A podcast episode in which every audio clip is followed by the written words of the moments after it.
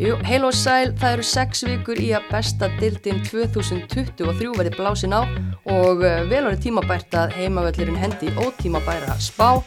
Hinga eru komið þau Lilja Valþórsdóttir og Jón Stefán Jónsson og þau ætla að fara yfir þetta allt saman með okkur. Sjálfheitið með Strúnastóttir og þátturinn er að sjálfsögðu í bóði Dominos og Orgu Náttúrunar. Gott að sjá ykkur. Leiðis. Við erum leiðist. Hvað, eh, hvað er dýtt? Við erum alltaf þar, hvað er dýtt? Bara allt ljómandi sko. Spenntu verið mótvinnu og stefnir í bara virkilega jæmt og spennandi mótvinni. Já, ég er bara sammála. Maður hugsa bara jafnvel, segi þetta hverju ári, jafnara en nokk tíman áður. Já, maður segir þetta hverju ári en á hverju ári finnst mann þetta hérna, eh, alltaf einhvern veginn erfiðar að spá í spilin og, og mjög mörg þarna út er að tala um ja, hvað sem er, jöfnuð bæði í efri hluta og, og jafnvel neðri hluta líka. Mm Já, ég held að það sé bara alveg ótrúlega erfitt að spá til um titilinn og slíkt í ár og hvað þá hverju falla þannig að þetta verður einhver veisla fyrir okkur.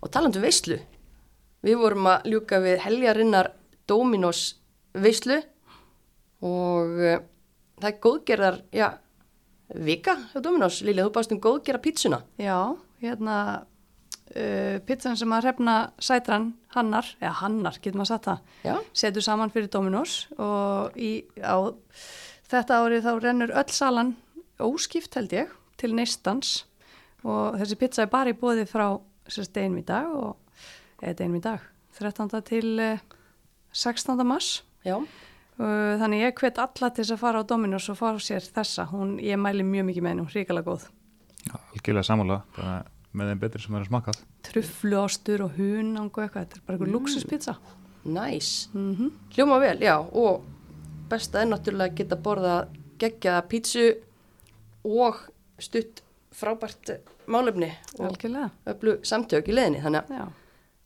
að mælum með þessu. En já, það er ekki bara, þú veist, veisla hjá okkur, það er veisla hjá þér, þú veist að koma af fótballtæfingu, Lilja, var, var það veisla? það var algjör veisla, það er alltaf á mánudagskvöldum. Það er mánudagspoltinn, það er að æfa sig fyrir hérna Íslandsmót heldri borgara.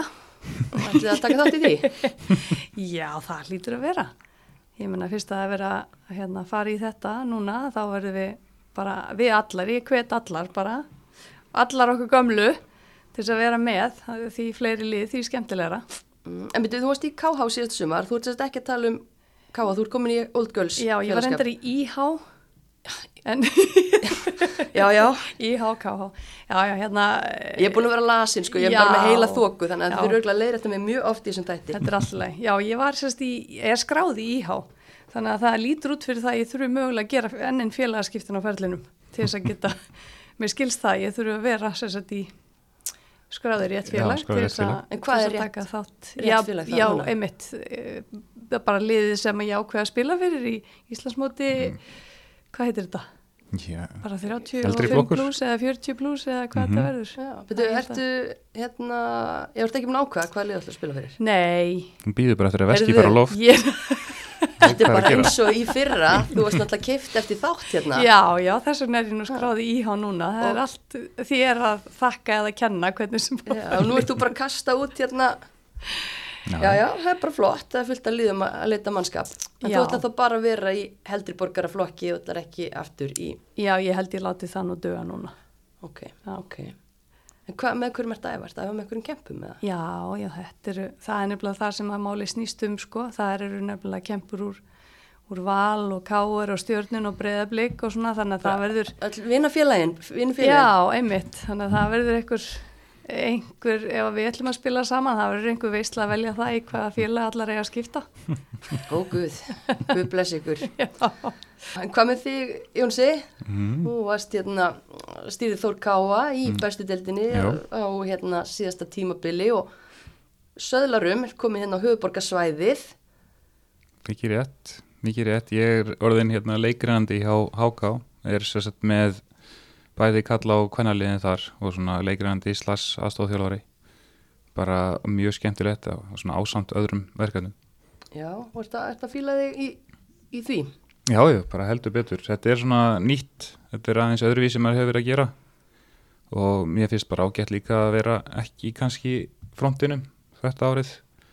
Ég elska ekki alltaf aðteglina sko. Þannig að mér finnst það bara mjög fínt og, og hérna bara mjög spenntur að sjá að geta svona hort aftur á til dæmis bestuðil hvenna svona utanfrá og noti bara.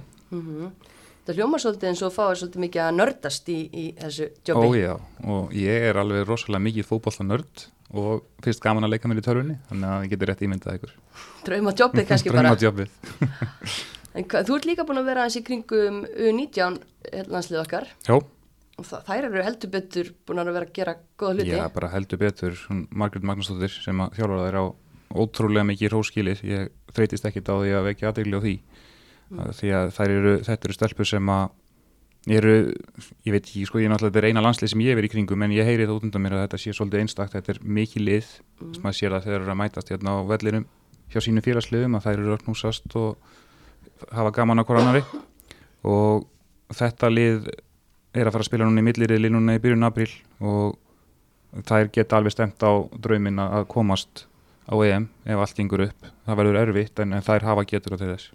Já, unnu hérna þetta æfingamót í Portugalum daginn, þú varst úti með þeim þá? Já, og bara mjög skemmtild og, og stóðu sér vel. Þær eru búin að vinna einhverja sjöleiki í rauð sem er eitt vissum að gerist mjög oft hjá yngri landsliðum Íslands en veist, það sem er góða við að það má heldur ekki fara fram úr sér og ég held að það gerir það ekki, þær eru alveg á jörðinni mm -hmm. og við talveg þetta verður erfitt en það er alltaf gaman að, að fá lið sem að eiga möguleika á einhverjum svona stóru. Já, er þetta að fara með þeim í milliriðilin? Það á bara eftir að koma í ljós. Ég veit það ekki ennþá reynlega því að þetta, þetta verkefni skarast á í bestu vilt kalla og maður þarf svona aðeins að hugsa um hvað maður getur gert. Maður getur því miður ekki verið á mörgustuðum einu en mikið langa mig. Já, það verður alltaf spennt. Við verðum að fylgjast vel með stelpunum í þessu, í þessu verkefni. Mm -hmm. En hérna, sex vikur í bestu dildina og þið hljótið að vera að koma með fyrring í magan. Ó já. Hildur betur. Það verður gegjað. Ég hérna, náttúrulega, fekk ykkur hérna til þess að eh, fá erfiðast, eitt af erfiðustu verkefnum ásins og það er að búa til ótíma bara spá. Já, já, skapa almennar óvinnsaldir. jú, jú, það er mjög vinsalt að hérna, skapa er okkur á þessum, þessu stímáls. Og þið eru nú bæðið svona freka viðkunnanleg þannig að ég ákvaða að fá ykkur með mér í þetta og ég er með hálsbólgu þannig að þið sjáu bara um að tala. Já, já. Nei, nei, ég segi svona, við ætlum að fara yfir, yfir liðin en, en eitt sem ég langaði til að byggja ykkur um að gera áður við förum í liðin að því að við erum alltaf búin að vera að fylgjast með undibúnings eh, og við vorum að nefna það að við varum hér í bóði Dominus við erum hérna líka í bóði orgu náttúrunar og bara þökkum bæði Dominus orgu náttúrunar fyrir það að taka þátt í að, að styrkja umfjöllunum knaspunnu kvenna og rétt eins og því þá er orka náttúrunar alltaf með puttan á púlsinum fylgist með því já, hvað maður að segja, bara allri þróun og, og hérna því sem er í gangi út í heimi og alltaf á svona umhverjasvænan og, og skinsamann hátt. Já, heldur betur, ég án og ramaspíl og, og á líkil frá þessu flotta fyrirtæki, nýti mér þetta vel og þeir eiga bara allt hróskilið. Lilja fór hringin hérna og kortlaði Ísland manni síðasta sumar út frá appinu. Já, já. Þessli stöðunum. Það er, þetta, þetta einfaldar hérna, lífið svo þvílíkt. Hildur betur. Og hérna, mér langar að heyra frá ykkur í bóði orku náttúrunar hvaða leikmenn hafa verið alveg onn til þessa á undirbúinstímbilinu og eru að fara að koma sko full, full, full hlaðnar inn í þessa deild sem er að fara hefjast eftir sex vikur. Já, viltu að ég byrja Lilja? Já, tattu fyrsta leikmann. Ég ætla að taka fyrsta leikmann og það mun ekki koma neinum og óvart að ég takki þann leikmann, það er Sandra Maria Jessen. Mm -hmm. Svo er komin í stand, núna, ekki það að hún hafi verið í lélögu standi fyrra en eðrilega er hún komin í beta stand núna mm -hmm. og búin að raðin mörgum og spila þess utan bara mjög vel mm -hmm. og ég, ég held ég get ekki byrjað að lýsa því hversu mikið hún verður fyrir sitt lið fyrir norðan Algjörlega. og býð alveg gríðarlega spenntur eftir að sjá mína konu þarna alveg á fullu Já, þá tala um það fyrir, eða eftir síðast tímbil hvort þú myndi fara og mm -hmm. maður heyrði af áhuga já, bara innanlands og mögulega líka ellendis frá uh, komið ekkur óvart á hún yrði áfram, kannski er þetta að spyrja þig kannan þjálfur hennar því en Ég, já og nei, nei, nei, það gerði það ekki af því ég náttúrulega þekki hana persónulega ég veist, hún er náttúrulega nýlega komin með barnið og, og sinn mann þarna og koma sér fyrir, fyrir norðan og ég er svo smátt ekkit fyrir eitthvað vonið og fara eitthvað að rífa svip strax það verður það bara gera setna og þá verður það knaspinnulegum ástæðum Mhm. Já. Þetta er bara okkar hérna gróði að hún er ákveðið að vera Mhm. og það er, einmitt, það er svo gaman að sjá hana líka, man, þetta er svona að fara að minna á hvernig hún, Já, svona gamla góða, Mhm. ef maður má segja það. Já, heldur betur, meina bara þessi snerpa og hraði og ákefð sem að þekkir hana fyrir, þetta er allt komið aftur Já, Já. Hún mætir fullaðin til leiks. ó já. og já, Hverjar aðrar hafa gripið auð ykkar? Ég, uh, ég skal taka næstu, ég var með hérna Byrtu Georgs. Uh, mér finnst hún búin að vera bara gríðarlega spræk og hérna ótrúlega gaman að sjá bara hvað hún er ótrúlega frökk. Mhm. Mér finnst það skemmtilegt að sjá svona leikmann sem að veist, hún þorir, hún bara lætur vaða. Mér finnst það, það er eitthvað svona, það er eitthvað við hana sem að er eitthvað svo geggjað. já, heldur betur, hún létt hana létt laglega vaða í síðasta leik Ja, það var ammilegt mark Já, Já, á fullar eins. og Það hún var heldur ekkert að, að hérna, plata neitt aukvísu upp úr skónum þar, það var hún að planta ánum sko. Nákvæmlega ég ætlaði nú að hlýfa Gunnhildi við að Ég nefndi hann segja ekkert frá á þessu. nafn, það varst þú sem gerði það. En já, eh, þú veist, já, Bara hún er bara búin að vera ótrúlega spræk og ég held að hérna, hún verði alveg. Ég vona að hún verði bara jafn frökk þegar kemur inn í, inn í stóra mótið sko. Þetta, hún má ekkert fara að bakka núna, nú þarf hún að sína, sína hvað hún getur. hún heldur sér, heldur sér hlaðinni. Mhm. Hún mætir, mætir að þessum kraft til leiks. Klárlega. Fítóns krafti. já, Einhverju fleiri leikmenn sem að hérna, hafa heitlað ykkur? Já, ég skal skjóta bara köllu tryggvadóttur að uh, búin að vera ótrúlega spræk. Ég er náttúrulega líka lítar að því ég sá hann eiga stórkostlega framistöðu út í miður 19 en, en líka hérna á undirbúinstíðanbílinu búin að standa þessi vel. Og ég getur svo alveg nefnt fleiri ég veit ekki hvort ég vilji vera að nefna hérna hálft Ísland. En, hérna, en þú veist Katla er á klálega skilið sjátt á þetta og hún líka bara náttúrulega gríðarlega spennandi leikmaður að fylgjast með svona þessu utan. Mm tók risa skref eh, bara inn í síðasta tímabil stærra skref heldur en mörg hafði búist við Mm. og virðist bara vera tilbúin í, í ennþá meira. Já, hún er on, það er alveg klárt. Já. já, og hleðslu geimirinn að stækka. Já, pláss fyrir Já. meiri hleðslu. Já, ég byrja að það, hún er með rosalega háttak, það er engin spurning og, og klárt að hún mun gera eitthvað miklu meira en að spila á Íslandi í framtíðin og hún heldur svona áfram. æði, þessar þrjár búin að vera að spila ótrúlega vel uh, taka vonandi með sér inn í dildina viltu bæta ykkur við Lilja og hafa þetta bara? Ekki þrjár bara flott. held að sé bara góð tala.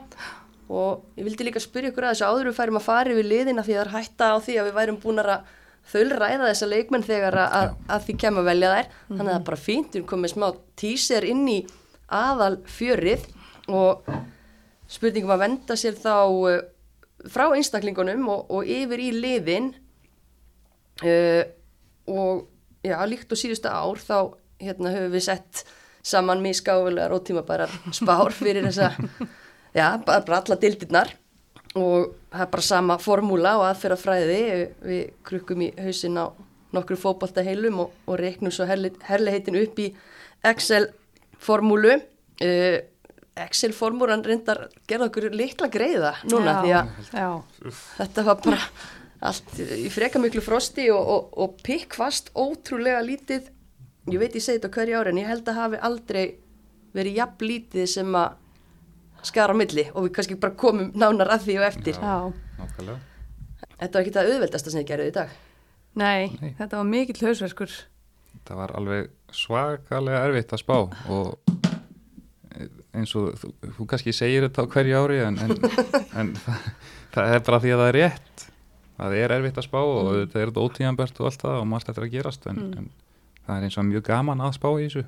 Akkurat og við höfum ekkit, ekkit nema leikmannahópa Örfá leiki. Mm örfáleiki, tilfinningu og svo hérna náttúrulega bara svona hefðir og hva, hvað verið í gangi í fyrra og, og, og svona þannig að þetta er svona blind og skemmtilegt en við skulum bara demba okkur í þetta byrjum bara á já, tíundasætinu, hann vil lengi vera þar hann að Lilja, þú fara að tilkynna hverja við setjum þar Yes, frábært.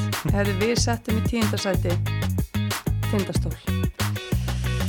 Ég held að sé, þú veist, mér langar ekki neitt til þess að setja það í tíundarsæti. Mér langar til þess að hafa tindastól í efstu dild og það verður svo mikil draumur ef það myndi halda sér. En þetta er ótíma bara spáin og ég held að eins og staðan er núna þá verður það kannski pínugalið að setja þér ekki í fallsæti að minnst kosti. Já, ég, minna, ég held að þetta sé alveg rétt sem þú segir sko, það, það er erfitt að spá þeim annar staðar og ég get náttúrulega ekki annað en tekið alveg heilsugar undir það að ég vil að þær sé stöld, mér stekir mjög vant um þetta lið og allt sem er í gangi á króknum Mm -hmm. og ég hef reyndar alveg trú á því að, að þær geti alveg veist, tekið og, og haldið sér í deldinni en þetta, ver, þetta verður mjög jæmt en uh, klálega miða við það sem við höfum síðan undirbúinstíðanbylnu og bara þau úrslitt og, og slíkt þá, þá er þetta bara staðan mm Það er náttúrulega uh, já, komust uh, skrifuðu söguna þarna og undir þinni stjórn vinnaði þessu upp í, í efstu deild hvað þá fyrir 2021 Já. það ekki? Já Mhm. Uh, Þú fylgdist vantarlega mjög vel Já. með liðinu þá. Já, já, ég fylgdist mjög vel með þeim og, og Guðni náttúrulega var með mér í þessu, við fórum saman með þær upp þarna og hann og Óskar Smári voru svo með þær í efstu deild. Og ég var mjög svektur þegar það fóru niður en, en það er líka ég held að þið séu að mörguleiti sko, þannig að kemur reynsla líka með að ég hafa spilað deildinni og það er alveg með margar af íslensku stelpunum ennþá mm ég held sem þetta að það sé mikil blótaka fyrir liðið að missa Amber úr markinu. Já. og, og algjör sóun að hún er hætt í knaspinu, hún fekk það góða vinnu út í bandaríkjónum að hún er held ég bara hætt að spila hópólta, Ah, Það það er er leðilegt, já. algjör sóun. Af því að það er fyrir virkilega góða leikmaður. Á móti kemur Varmör Mjúril Tyrnan, hún var sagt meitt nánast allt sumarið þegar hún- þær voru í efstil síðast. Mhm. ég vona bara að hún sé heil núna því að fólk áskilja að sjá hana í, í réttri mynd. Það er frábær leikmaður, frábær manneskja. Já, og svona alltaf Donni hef- þekkir þetta allt saman. Þannig að það verður örglega með völskipur all lið og það verður ekkit auðvelt að fara á krókin fyrir neitt einasta lið og, og sækja stig. Nei, og var það svo sem aldrei nema mögulega fyrir Íslandsmeistara vals þetta sumar í, í hitti fyrra. En það hefur verið svona, þú veist, talaði um þessa miklu stemningu bara í öllu bæjarfélaginu í gegnum árin, hvernig er svona ykkar tilfinning fyrir því núna það er svona kannski heyrt minna af því, ég veit það ekki. Já, það er náttúrulega kannski svolítið mikið svona hæp, þú veist, þegar að vinna sér í fyrsta skipti, en ég einhvern veginn held að tilfinningin sé samt þannig að fólk er að fara að mæta og stiða þér. Já, algjörlega bara það er alveg jafn mikið og alveg jafn mikið Það og síðast. það verður frábær aðsóknarna og, og hérna þessar stelpur eru þær tengjast bara svo mikið einhvern veginn inn í þetta bæjarfélag. Þær eru þarna í skaffeyringabúð að fólki þykir vænt, vænt um þetta lið Mhm.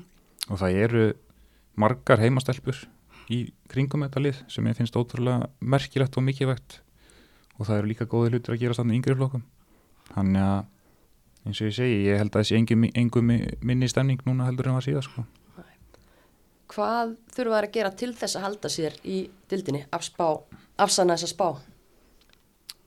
Já, það verð, ég hef hugsað að það þurfi að vera eins og það segir með Donna mjög skipulaðar sem að hann kannu þetta en uh, maður hefur kannski meiri áhyggjur af markaskorunni mjög rélt hérna vonandi verður hún alveg on Mm. í sumar. Uh, en þær þurfa kannski eitthvað aðeins meira með þær þurfa náttúrulega að skora mörg það er kannski það sem að Já, maður svona hefur mestar áhyggjur af eins og staðan akkur núna. En hérna, já, markaskorun þarf að koma inn í gang. Koma markaskoðun í gang. Þær verða alveg 100% mjög vel skipulegaðar munu treyst á först leikatrið, þær eru mjög sterkar þar mm -hmm. uh, mjög tinnan og svo mega varnamenn er ekki lítið að hurunu Páls sem er náttúrulega algjör raketta Mm með henni og ótrúlega gott að hafa hana sem óknarna með og önnur stelpa sem heitir Aldís Marja Mhm. Jónsdóttir sem er líka mjög spræk þannig að ég er svo sem alveg saman að Lilja að það, það, það er erfitt að sjá annað en að það sé erfiðast í kaplinn þeirra verða að skora mörg en þetta mun snúast um það hjá þeim að halda búrinu sem oftast reynu Mhm. Algjörlega, þannig að þið sjáu bara, já, skipulagið sem styrkleika og, og veikleika þá mögulega fram á við. Mm, Já, bara ef maður ætti að nefna eitthvað. Já, þá held ég að sé svolítið það. Maður sér ekkit fyrir sér að það er verið neitt mikið með boltan þetta er ekki possession lið akkurat. í grunninn. En en ef það er rétt gert já, ýmislegt. heldur betur. Mm, algjörlega, algjörlega. Um, við spáum þið þarna tíunda sæti. Uh, ég ætla líka að fá ykkur aðeins til þess að pæla í sko leikmannamálum og markaðnum. Það er náttúrulega öll lið búin að sækja búin að sækja einhver leikmenn og, og missa eitthvað frá sér. Uh, Amber náttúrulega eins og þú getur um Jónsi er hætt, verður ekki með uh, og svo líklega ekki landstelpur frá því fyrra. En þeir eru búin að fá laufihörpu á láni aftur heim frá blíkonum. Þeir eru svo búin að fá tvo erlendileikmenn í Gwendolin Mömmert og Móniku Vilhelm sem við vitum hættilega lítið um. Og svo er Lara Margret komin aftur heim frá IR Mhm. þannig skilst, hvað svona þú veist, vitum við til þess að það sé eitthvað meir í pípunum, hvað, hvernig við að ranka þennan félagskipta? Já, ekki glugga, þetta er náttúrulega bara vetur hjá, hjá stólunum. Það er alltaf mjög stert að fá laufi heim hún er mjög góður vinstri bakverður sem að ég hefði viljað sjá meira af í breyðabliki í síðasta sumar. Held kannski að nefnir ekki náða aðlagast. Þó að sé skrítið að segja það þá er bara svolítið annað að- vera í breyðablík heldur en að vera í tindastól. Og, en ég hef bullandi trú á þeirri stelpu. Ekki hugmyndum þessa erlendu leikmenn. Nei, bara skal viðkjanna það. En uh, já, ég held að það verða einhverjir 5-6 erlendi leikmenn en það þegar allt er komið saman. Já, maður sér það svolítið fyrir sér það verði Það er- það í eftir að sækja eitthvað aðeins meira. og það stendur þetta bara að fellið með því í hvað þær eru góðar. Mm. það er nú bara svolítið þannig. Jáp, Er eitthvað að henda ykkur í engun á, á svona félagskipta glugga sem er að fara standa og falla með, með leikmunni sem við höfum ekki séð? og einni tíu. Já, kannski bara, veist, það er það er rosalega erfitt Já, ég er bara að setja einhverja solid við förum ekki að fella þér fyrir þetta við setjum 6 áður bara og málið dött og svo kemur það í ljós, kannski er þetta 10 það, það kemur bara í ljós hvað útlendingarnir eru góðir Já, já. Þetta er svona lotteri Lotteri, akkurat. Herðu, en höldum áfram og færum okkur yfir í næsta sæti. Og það er nýjönda sæti, það vil heldur enginn vera þar. En Jónsi, hverjar sittum við þar? Það er fimmleika félagir sem að er í nýjunda sæti og, og þeir bræður þjálfarteiminu verða að kunna mér örugglega þegjandi þörfuna. Er ekki fínt að vera að spá niður og, og, og hérna afsanna það svo bara? jú, mér vinnir einhvern veginn að þú hafi spáð tindastól niður 2019 og verið mér þrjá sæti, þannig að, að við skulum bara Gott að rifja það upp Já, gott að já. reyfja það upp. Nei, nei, að öllu ganni slepptu þá bara uh, F-áliðið kemur þarna upp, er náttúrulega mjög sprækt og það er ég veit ekki hvað ég á að segja. Ég hef lítið séð þær sjálfur undirbánstímilinu, nú veit ég ekki hvað þið hefur mikið séð þær, en úrslitin að vera svona upp og ofan. Skulle við orða það. Já, vinna K er hann í Vinna, leikibyggarnum, já. tapa svo fyrir Selfoss Þór K á Val Já, sem hafa verið að stilla upp svona missterkum Já, liðum það er í. Einmitt. út frá því sem að svolítið byggir þetta á og, og, svona kom mér á óvart til dæmis þetta stóra tap fyrir norðan. Mm skal Já. alveg ekki það. Sammála af því að hérna, ég veit að Þór Káaliði var raust ekki fullmann og eins með val og, og slíkt sko þannig að en aftur þetta er svona að hrýstast saman hjá þeim. Og það eru held ég búin að vera einhver með slíka Já, þannig að það er mega ekkert mikið við slíku. Nei, hún er alltaf gríðarlega blóttaka Sísi, Sigri Lara Garðarsdóttir þarf því miður að eða hefur ákveðið að hætti í fótbolta Mhm. að bara læknisráði og náttúrulega bara ótrúlega leiðilegt, þetta er frábær leikmaður sem við höfum fylgst með árum saman og, og náttúrulega algjör Já. líkill í þessu F-fóliði það er bara sorglegt. sorglegt fyrir fyrir og, hana og, íslenskan fótbolta já, bara. já, já, þetta er engin smá missir fyrir FA og bara þessa deild og mikill karakter og frábær leikmaður. Já, og ég ætla að minnast á það því að ég er erum að horfa hérna á komnar farnalistan að, að eh, erlendu leikmenni sem að þær mistu út sökum atvinnuleifis vandamáls í fyrra eru sérst áfram. Colin Já. Kennedy og hérna já, þær eru áfram. Og hafa náttúrulega reynslu úr þessari, úr, úr ástöldinni já, þannig að þær, ég eins og ég segi öfugt við tindastól þá hef ég ekki áhyggjur af sóknarleik þessa lis Nei, ég hef eins og er áhyggjur af því í hináttina þó að Aldís sé mjög efnilegu markmaður. Mm þá náttúrulega þarf samt að verjast eitthvað fyrir framánuna Já, já mm. það er einmitt, ég hugsa að það var, ég sammála því. Þetta er spurning um hvernig, hvernig ætlar að loka fyrir markið Mhm. sitt. Og hvernig fótbolta ætlaði að spila því að þau voru í blúsandi háspinnu og hasar í, nei hápressu já, háspinnu já, í leikidildinni síðasta sumar. Og, og hérna, já ætlaður að mæta á hlýðarenda og hápressa þryggja manna línu, það var stundum bara í rauninni tvær tilbaka og, og, og rest komin inn í teglíku við í þessum leikjum í, í lengidildinni, ótrúlega skemmtilegt að horfa á þetta en, Já, já. en eh, þetta, er annað, þetta er allt annað dæmi Já. að spila í þessari deild Ég hugsa þeir bræður nú ekki fara hey, að hendi í það. Ég, hérna, þeir, þeir kunna þetta nú aðeins betur en það held ég. já, alveg 100% En hérna, já, ég er samt, ég, að því við erum að ta- horfa hérna á komnar farnar, það er alltaf mjög hérna spennandi að sjá til dæmis Sildigun Rýr og Sara Montoro já, komnar þarna. Ég hlakka mikið til að sjá hvernig þær koma þarna út. kom mörgum á óvart að sjá félagskiptin þegar Hildigunur Ír Já, skipti yfir, Já. Menna, bara stór og eftirsóttur svona biti ef maður Mhm. tala þannig um leikmenn á, Já. á markaðnum og, og hérna stert hjá F-hæðingum að sækja hann og svo sækja þær eins og við nefni Aldísi sem var hann að lána í fyrra markverður Berglind Trastadóttir alfari komið frá Haugum og Birna Kristín Björnsdóttir á láni frá Breiðablík það Já. er að verið að sækja ja, bara unga leikmenn. Unga, unga og spræka leikmenn. Já, en er það að kostna reynslunar og, og sísi að dettu út og já, svona? Já, já. Já, það eru náttúrulega ekki og, og geta ekkert fengi leikmann í hennar stað. Það er nú bara svo einfalt. Já, já. þú bara koverar ekki það skarð. Uh, ég er mjög spenntur að sjá Aldís í markinu hún er stór og staðilegu markmaður og eina af þessum mörg góðu valsmarkmannum Mhm. sem að Valur kannski myndir hennilega vilja hafa eitthvað hjá sig núna Já, það önnur seinna. saga. Þannig að en hérna uh, eins með Byrnu hún er náttúrulega er í U19 og hún er styrkja varnalegin, hún er hægri bakvöður og eftir að styrkja hún náttúrulega spilaði þessari deildi fyrra hjá afturhaldíku Mhm. þannig að en eins og, eins og við sögðum á hann þetta manni finnst kannski vanta aðeins kjöt og bein í ríkin hjá þeim. Já. Gæti verið einhver spurning um svona einhvern ákveðin stöðuleika einmitt að því að kannski vantar svona svolítið reynsluna einmitt eins og við erum að tala um. En ætlið það bætist við sko ellendis frá f- fyrst að Sisi er átt og, og eða er hann með Sinu og, og Colleen sem var kannski bara veist, gefið fyrirfram, veist, ég veit það ekki. Já, það er bara rosalega góð spurning og ég hérna hreinlega veit ekki hef ekki heyrt mikið um reynda að vera að kynna mér þetta Mm.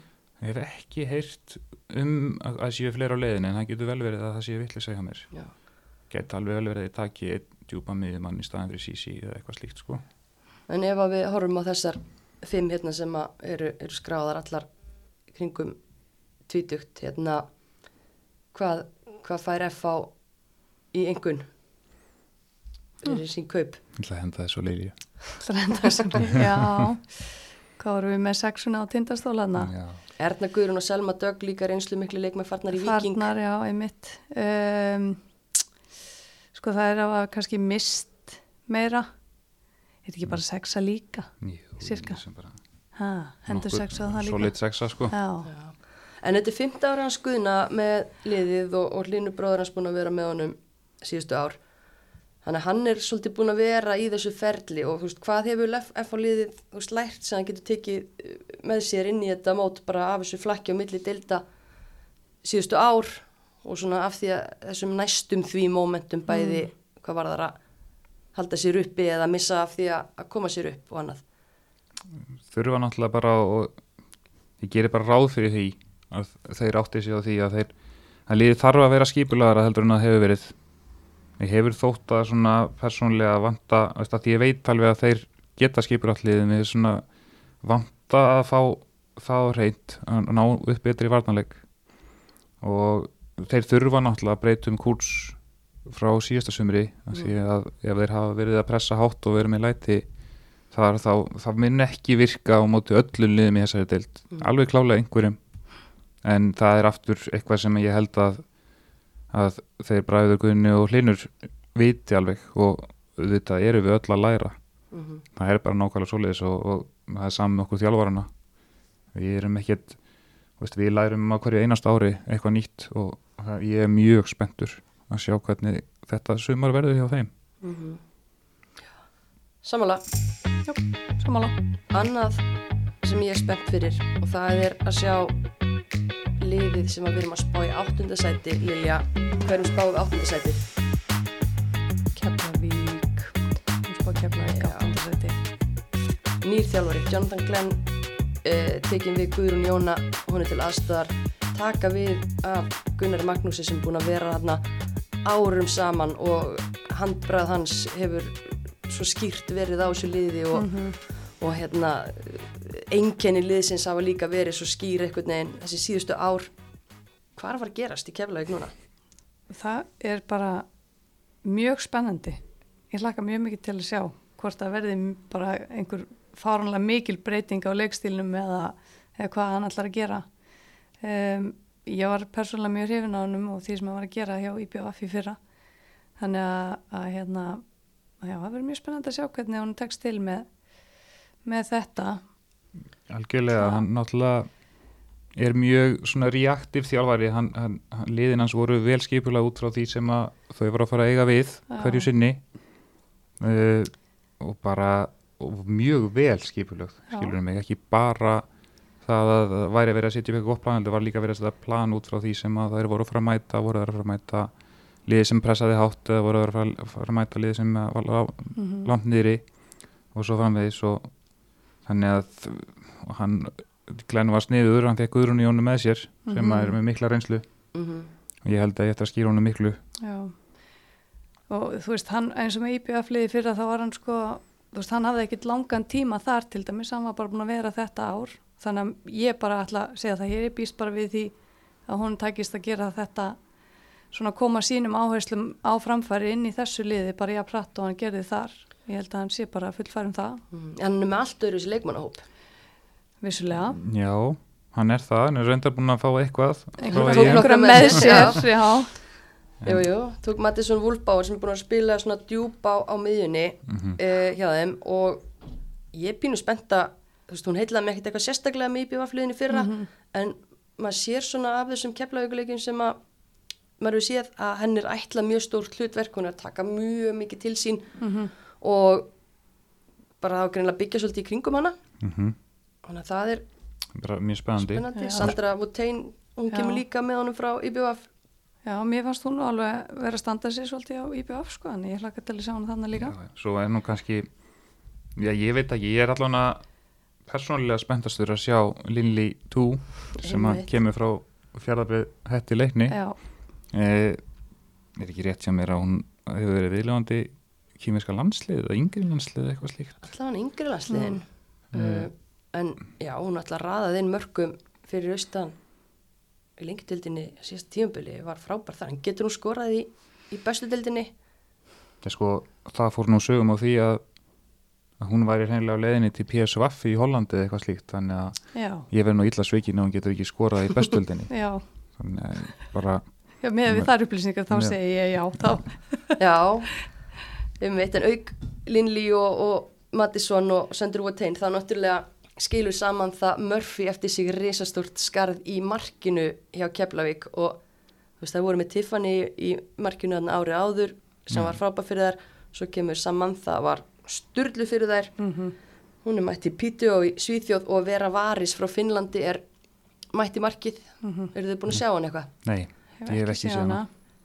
Ég, er hérna, búin að sjá hann í tveimur leikjum og fyrirleikurinn var einmitt á móti í BVF og ég bara ok, fyrsti leikur, við ætlum ekkert að dæma á hart en mér fannst ekkert, ekkert mikið að frétta en síðan var töluvert uh, meira að gera hjá henni á móti stjörnunni og það er svona hugsa, því, þú horfir á hana þú veist, að horfa á samönðu Mhm. Murphy í fyrra, bara fílíkur faðmur og bara svona Já, bara alveg ótrúlega presens. presens Mhm. við fekk ekki sama væp frá nei, veru en hún verðist það verðist hellingur í hana spunnið, þú veist, hún er finsku mestari og, og hérna já, þú veist fín allavega í vörslum síndist mér já, hún þarf bara að vera góð ef þetta á að ganga hjá þeim Mhm. það er mikið skarð að fylla og ég minna ef hún er bara eitthvað nálagt í að vera jafngóð þá er það samt alveg ágætið smálum sko. Mhm.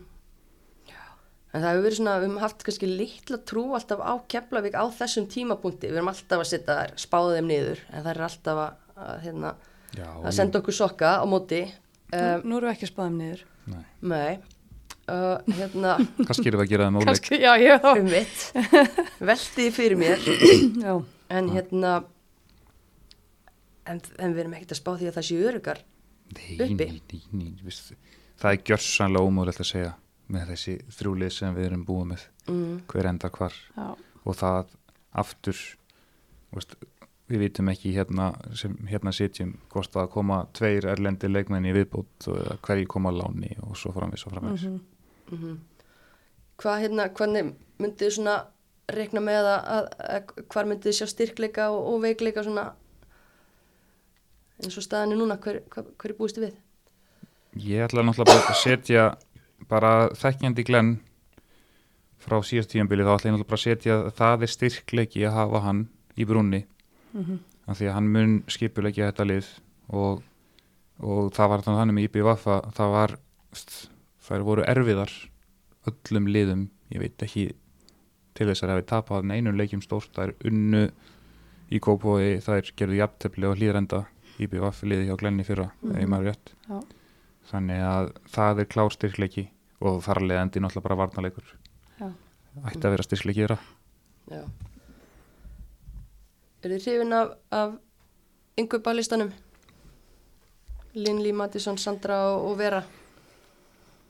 svona, já og nei sko Já. Ég veit að ég, Snædís var mjög góð hjá þeim þegar hún kom á láni frá stjórnunni, Já. gerði mikið fyrir þær. Uh, Elín náttúrulega var að spila þarna bæði hafsend og hæri bak, bara stóð sér vel. Um, saman það náttúrulega sannilega besti markmaðurinn í deildinni, allavega besti elendi markmaðurinn í deildinni. Þannig að þetta er, já já, þetta er bara svona, Æ, Þetta er svona Þetta er lala. þetta er er alltaf einhver sexur, þetta já. er alltaf einhverja sexu sko, eðst, það er ekkert að segja heldur þetta sé eitthvað hræðilegt Nei, eða nei, eitthvað ekki. þannig að eins og ég segi, þetta er bara 5-6 og, og, og þannig er það bara sko. Já. Þetta er spennandi, eh, allan að Já. Linlí og, og Vera.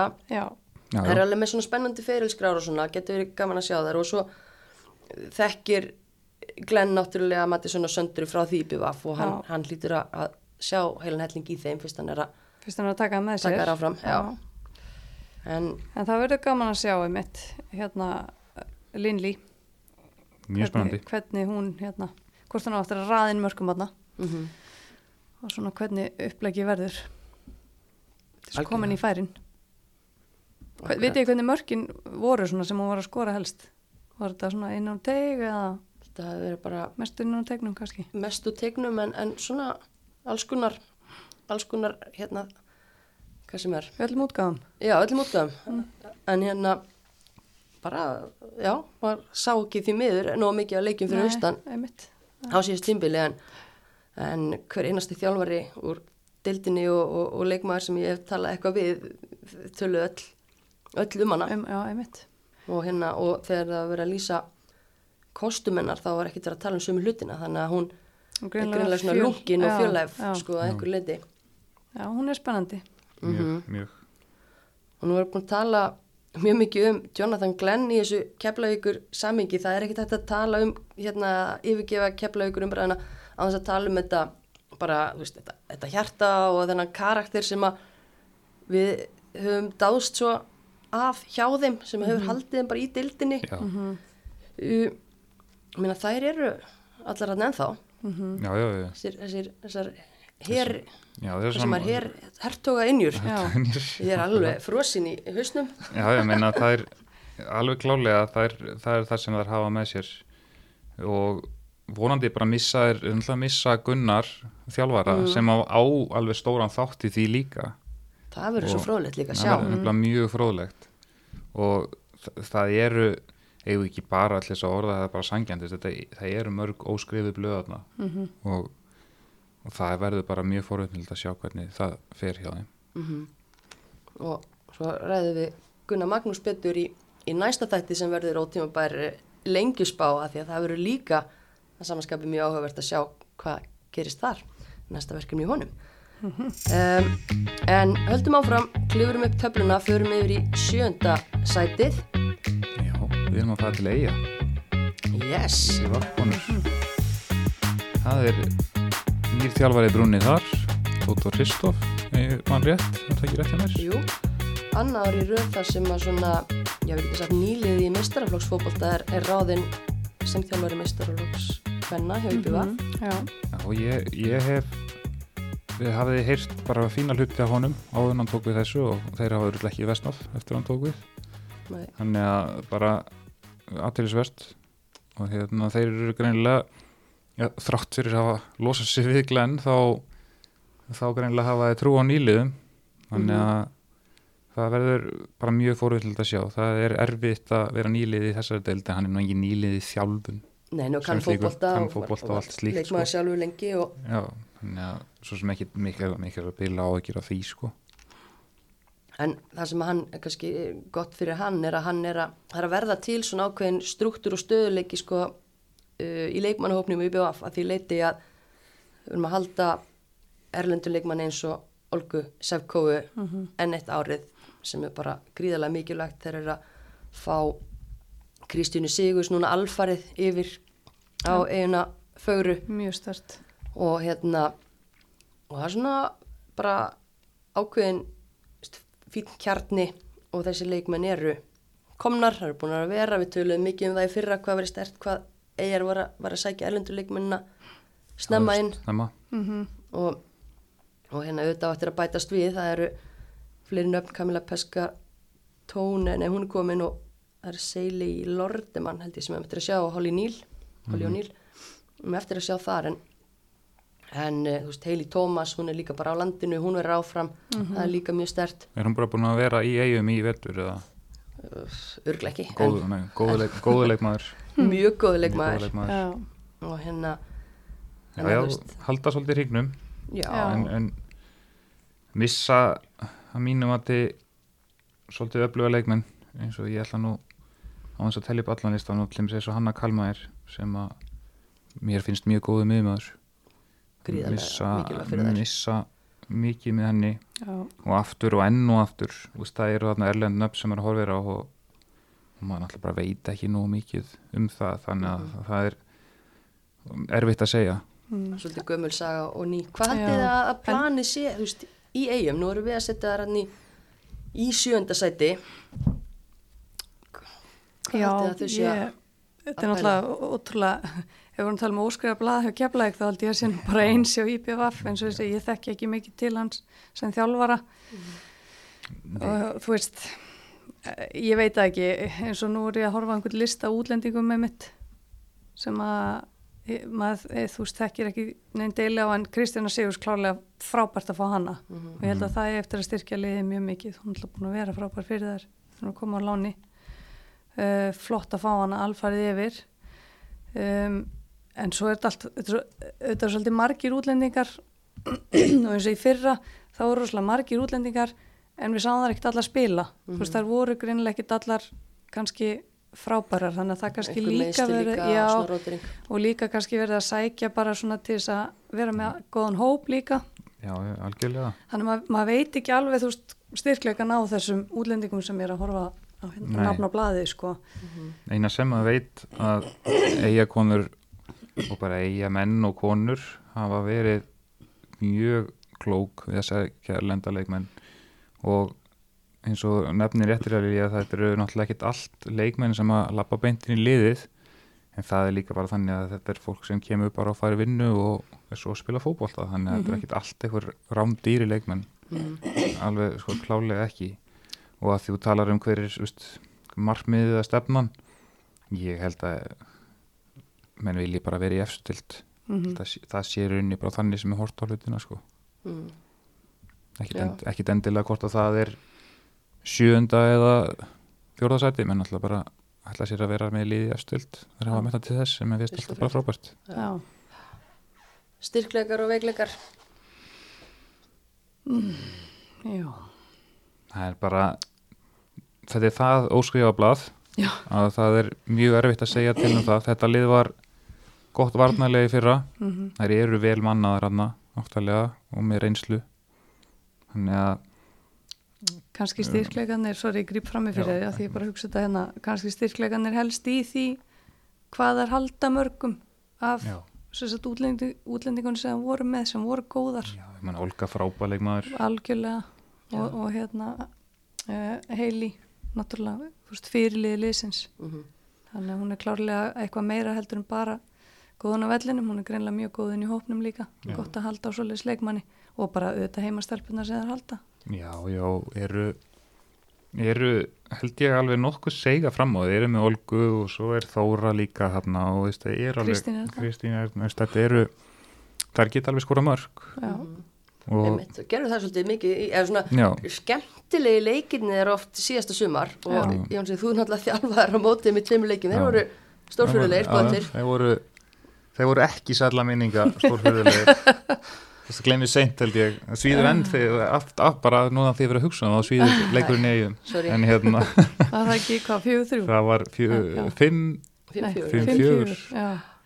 við vorum yfir 3-0 eftir hálftíma. Já, alveg rétt. Þetta var eitthvað svo ég er enda búin að gleyma þessu sko. Já, já, ég heyri það. Svo var gott að það var ekki smitaði heila Já, þöggu gott að það var ekki 3-3 fyrir norðan. Jú, það var mikill, mikill markaleikur svo ég er bara að tala um að Glenn sé svo skipulegar og varnarlega og vil dæna sér sjálf Já, allt í skrúni hérna. Ég man að hann var nú bara næstu með hjartaði buksunum hann í viðtali eftir leiki fyrir norðan sko, hann Já. bara aldrei séð hann eins. Hann Nei. var bara með hjartaði trublanir þetta var, þetta var eitthvað allt öðru, þetta var eitthvað algjört, algjört bíó sko, þessi leikir. En, og, og úr kartir kannski fyrir fyrir allan að þær. Við vorum nú oft svona í einhverjum, einhverjum alvöru leikjumanna en, en þetta uh, ég veit ekki hvað maður á að segja sko. Mm. Mjög skemmtilegt, sko. frábært fyrir áhörundan já, við bara, viljum alltaf skemmt Já. það ekki Jú, við fengum mikið fyrir peningin ég, ég er að spá í eitt hérna, svona, því, eins og með veikleika svona Mm. ef ég ætti að finna kannski setja svona eitthvað nýra blað, þá væri það kannski miðsvæðið Já, svona þess að hugsa hvernig hvernig ætla að leysa það hvernig ætla að leysa það sko því það eru vissulega með þessa leikmenn sem getur skora mörg Henna Kalmægir og, og Þórildur átt síðan í já, Já. þú veist þetta er svona Þeirra. kannski hafa mist svolítið þar þannig að þá er spurningin sko hvern, hversu sterkar eru Já, og gerum við ekki ráð fyrir að allavega einn af þessum örlendu leikmennum sem ég var að spila þarna? Maður eiginlega já, Mhm. svona, maður bara gerir ráð fyrir því. Já, það er uh, spurning með styrkleikan Já, það er nefnilega málið. hvernig það ná að binda saman algjörlega, það er svolítið svo- síðan Holly og Neil þarna frá Kanada og það er gaman að vita hvort það sé einhver tenging mm. hvort að það sé eitthvað í gegnum hanna hérna Benfica, Chloe. hérna Chloe Já, dettur það í hug sko Mm. og oft eru það bestu leikmenni sem að fær sem að sem að gamli leikmenn einhverju sem að hafa ekki kannski fjárháslega hagsmuni á því að benda á leikmenn mm. Og oft er það best þau tengsl en nú er ég bara að gera með tilrum sko Já. en það er, væri bara forutnilegt sko. Mm maður veit ekki en svo er líka fullt af efnilegum stelpum að að koma upp, þú veist, við erum búin að nefna Þóri Björg og, og hérna Berta Sigursteins og Telma Sól, þú veist, Selma, já. Si- Selma Björn alltaf komið fullt af efnilegum stelpum með Mhm. Já, og þær eru líka alveg að fá, þú veist, einhverja mínútur, þú veist, eins og bara Helena Jónsdóttir, hún er fætt 2004, mann líður samt eins og hún sé búin að vera hana bara, þú veist, eins og einhver elli smellur. Þessu stelpur alltaf, auðvitað, eldast, þetta er alltaf sama klísan á hverju ári, en það er bara satt og orðinir svona bara risa póstar í þessu. Já. Guðni Geirs bara heldur áfram að elska að vera í markinu og bara vex og dafnar þar, gerir það vel og hún er heil núna, misti náttúrulega mikið úr vegna meðsla í fyrra en því lít hérna mikilvægt en svo finnst mér líka bara eins og ég nefndi aðan bara ótrúlega stert að fá Kristjánu Sigurs bara negla hana þarna mm -hmm. Já. Ekkert lán neitt, nú ertu bara nei, nei, bara gott fyrir hana líka. Mhm. og finna kannski eitthvað stöðuleika í einhverju sem hún þekkir. Mm algjörlega. Hvað fáðar fyrir leikmanna gluggan? ég ætla ég skot í myrkri. Ónefnda stærður og Kristjánu já, sko ég ætla ég, veist það, ég ætla að setja fimm á þetta. Ég ætla að lækka þér með hérna mér finnst vond að missa Hönnu Kalmæður og, og Þórildi bara, eins og Mattisson var nú alveg að spila þarna líka sko. Mhm.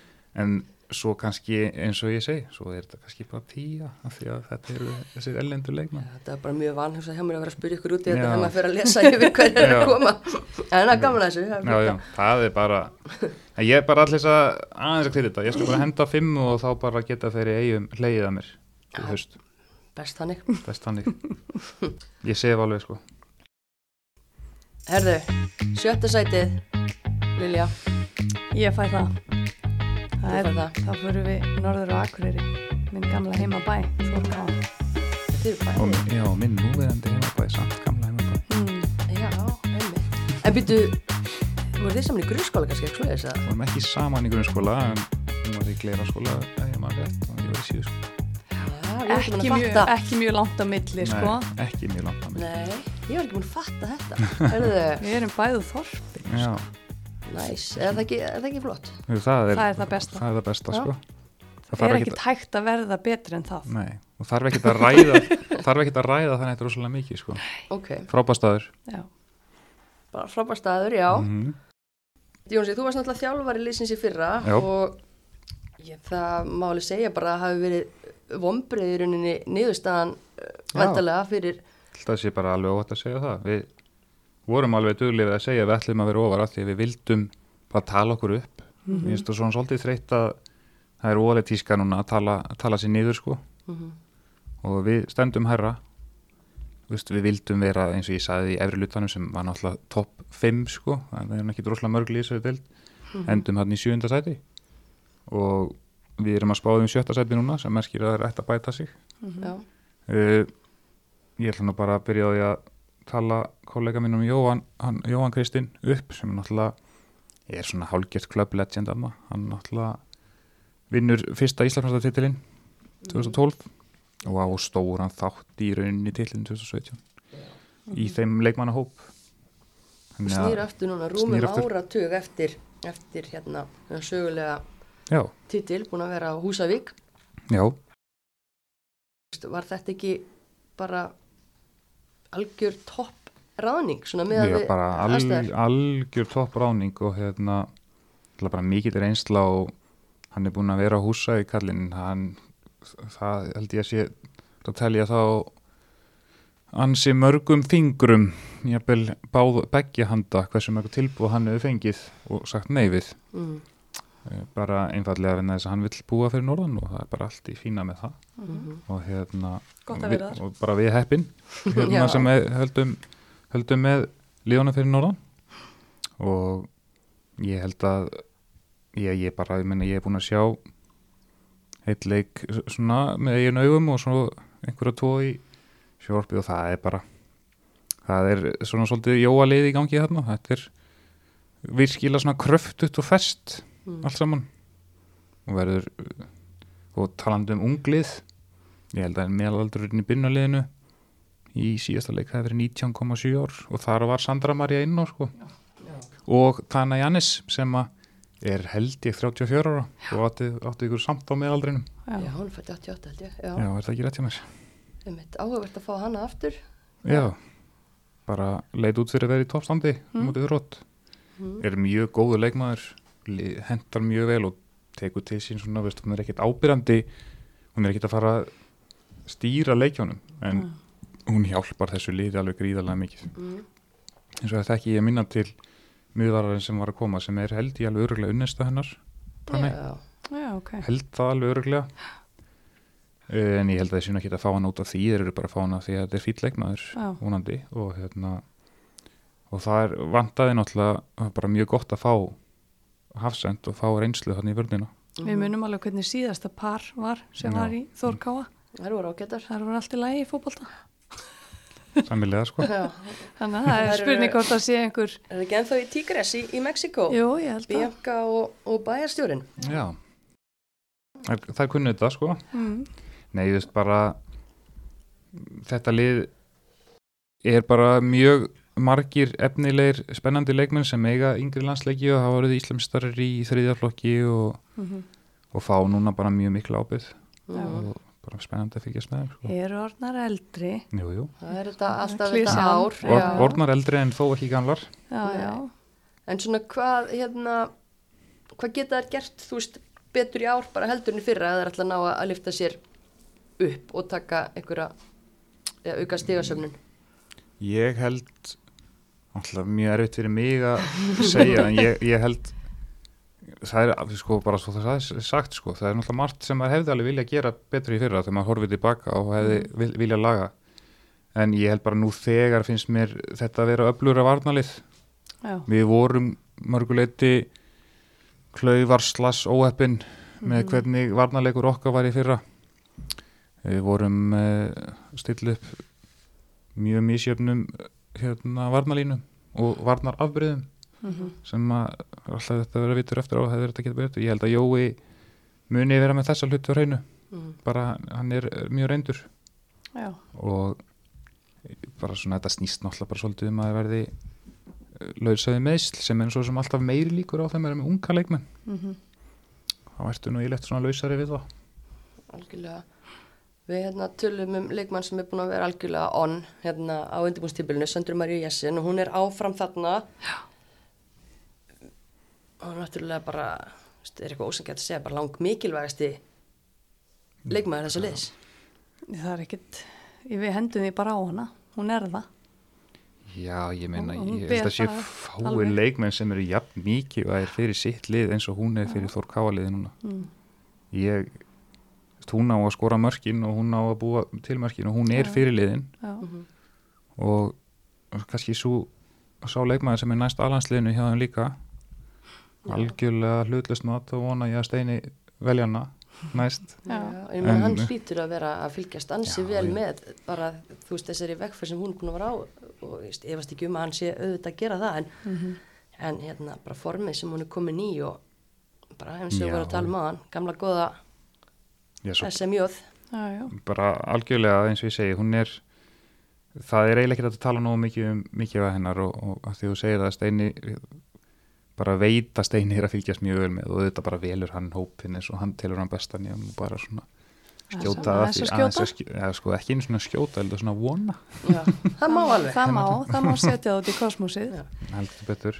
Eh, Ég er svona aðeins að velta fyrir mér, sko, það missa náttúrulega Andrið mist um, Margrét Átna, Marja Katarína, þetta er alveg, þetta eru svakalegi leikmenn, Já. sko, missa Eh. mjög öfluga leikmann þannig að, að hérna, Er útilokað að Margrét Átna komi tilbaka fyrir sumarið? Þetta er það eitthvað? Mm, ég er alveg talað öðru hverju við hana ég veist, ef þú myndir spyrja hana núna þá held ég að hún vilji náttúrulega bara vera úti og reyna að halda sér úti sem atvinnum mm hún hefur ekkit verið að fá mjög mörg tækifæri hjá Parma en uh, það sem ég fíla við þá ágjötu stúlku er að hún er líka algjör harðhaus hún gefst ekkit upp nema bara algjörlega í fulla nefana sko. þannig að ég held að hún gefið í sjensen mikið væri það stert fyrir þær ef hún kemur aftur sko. Það var ekki nema á láni Ég segi það, sko. já, já. Þannig að- en ekkit sem að ég hef runni veist, engar upplýsingar um það sko, hvað það standið til Nei. En hvernig eins og þið segið, þú, þú þurfa að tellja hérna upp leikmenn sem eru farna, Stóri Póstar og Arna Eiríksdóttir sem var á láni hjá ykkur í fyrra og var einn ykkar besti leikmar í fyrra, hún er vantilega ekkert aftur á, Nei, á leiðinni Tiffany farin, Tiffany farinn, Sara Mjöll, Sara Mjöll. Já. uh, það gle- vantar nú reyndar hérna hana Kari Marju á komna listan sem að við erum með. sem er mitt. ég já, veit ekki hvort að þú ert með hana lista Já, eða þér. ég menna hérna, mér finnst það rosa stert. Já, ég bara hún kemur á láni, Hún kemur vissulega á láni. Kemur að lána en lít, ég ger nú ekki ráð fyrir öðrun og sé að fara að klára mótið þarna. Ég, ég, plikarnir eru ekki í Európukefninni núna í ár. Þannig að mér finnst nú líklegt að hún klári bara sumarið fyrir norðan. Já, Mhm. það er stert fyrir Þórká. mjög stert getur leist líka veist maður náttúrulega horfði alltaf á hana sem miðjumann. En hún getur náttúrulega orðið leist líka bakverðina. Já, sem að getur alveg klálega hjálpa en en þarf hún ekki í þessu lið, myndir ekki sjá fyrir, hún þyrfti við kannski að vera á, á miðinni. jú, jú, jú, jú, alveg 100% sko, hún lítur að vera að fara að koma hann og spila fremst á miðinni, eitthvað svona hennar náttúrulega staða, Já, kemur svolítið í staðin fyrir möggu áfna þar já, Já. maður sér þetta svolítið ég, fyrir var, sér að ég það væri hlakka bara, til að sjá það. Ég er skipti. búin að vera svolítið hrifin að Karin Marju svolítið lengi. já, Hlakka já, til að, hún á mikið inni held ég. við, við vildum fá hann í fyrra og, og hérna og hún er komin núna. Mm það er bara það er rosalega mikið vært því að eins og þú segir, þetta er þetta er engi smá leikmenn sem eru farnir. Já, það eru allt saman leikmenn sem voru að byrja flesta leiki sem þú telur upp ótileikmennunum að, missa um, reynsluna í Tiffany. Hún náttúrulega var reyndar svolítið mikið meitt hjá okkur.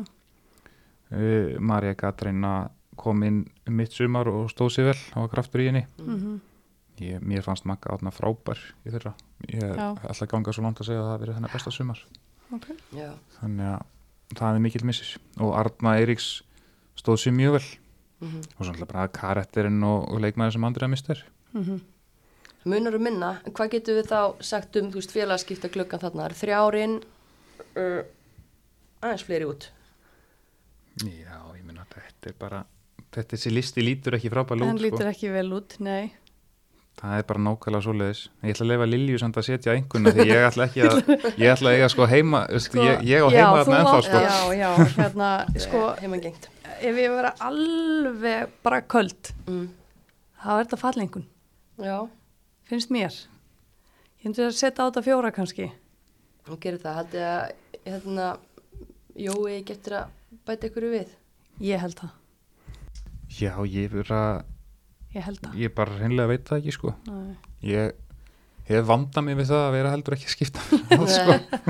Nei, nei, nei. og bara en hérna Mér Bara- finnst, já, ég, ég held að hérna, mér finnst það nætt að gera það. já, já, já, ég minna, ég held að hann Að því, við þurfum já, ekkert að segja honum að þurfa að styrkja þetta lið, hann veit það er Já. alveg pottit sjálfur og mér, hérna, mér, já, mér finnst einhvern veginn sko að því við erum að setja hérna Söndru Maríu bara, herri, þú, þú ert að fara að leiða þetta lið og fara að skora mörk út að leggja upp mörkin en þú veist, það þarf samt já, já, það þarf að aðeins hérna, já, öðrar að stígu upp og, og svo líka bara kannski einhver aðeins meiri reynslu þá með, kannski, Já. þó það væri ekki nema bara einn, Já, er hún miðvörður hann Dominík? já, hún er miðurur Hún er miðvörður. hún er Já. og hérna ég, já, við erum að setja söndru en það eru þarna unga stelpur tvær sem að því ég nú svolítið að tala um þessar stelpur sem eru hjá okkur í 19 og sem að fá mjög stórt hlutverk í Ísvold Mari og, Jakobínu Hjörvarsdóttur. Mm, og það eru mjög spennandi leikmenn.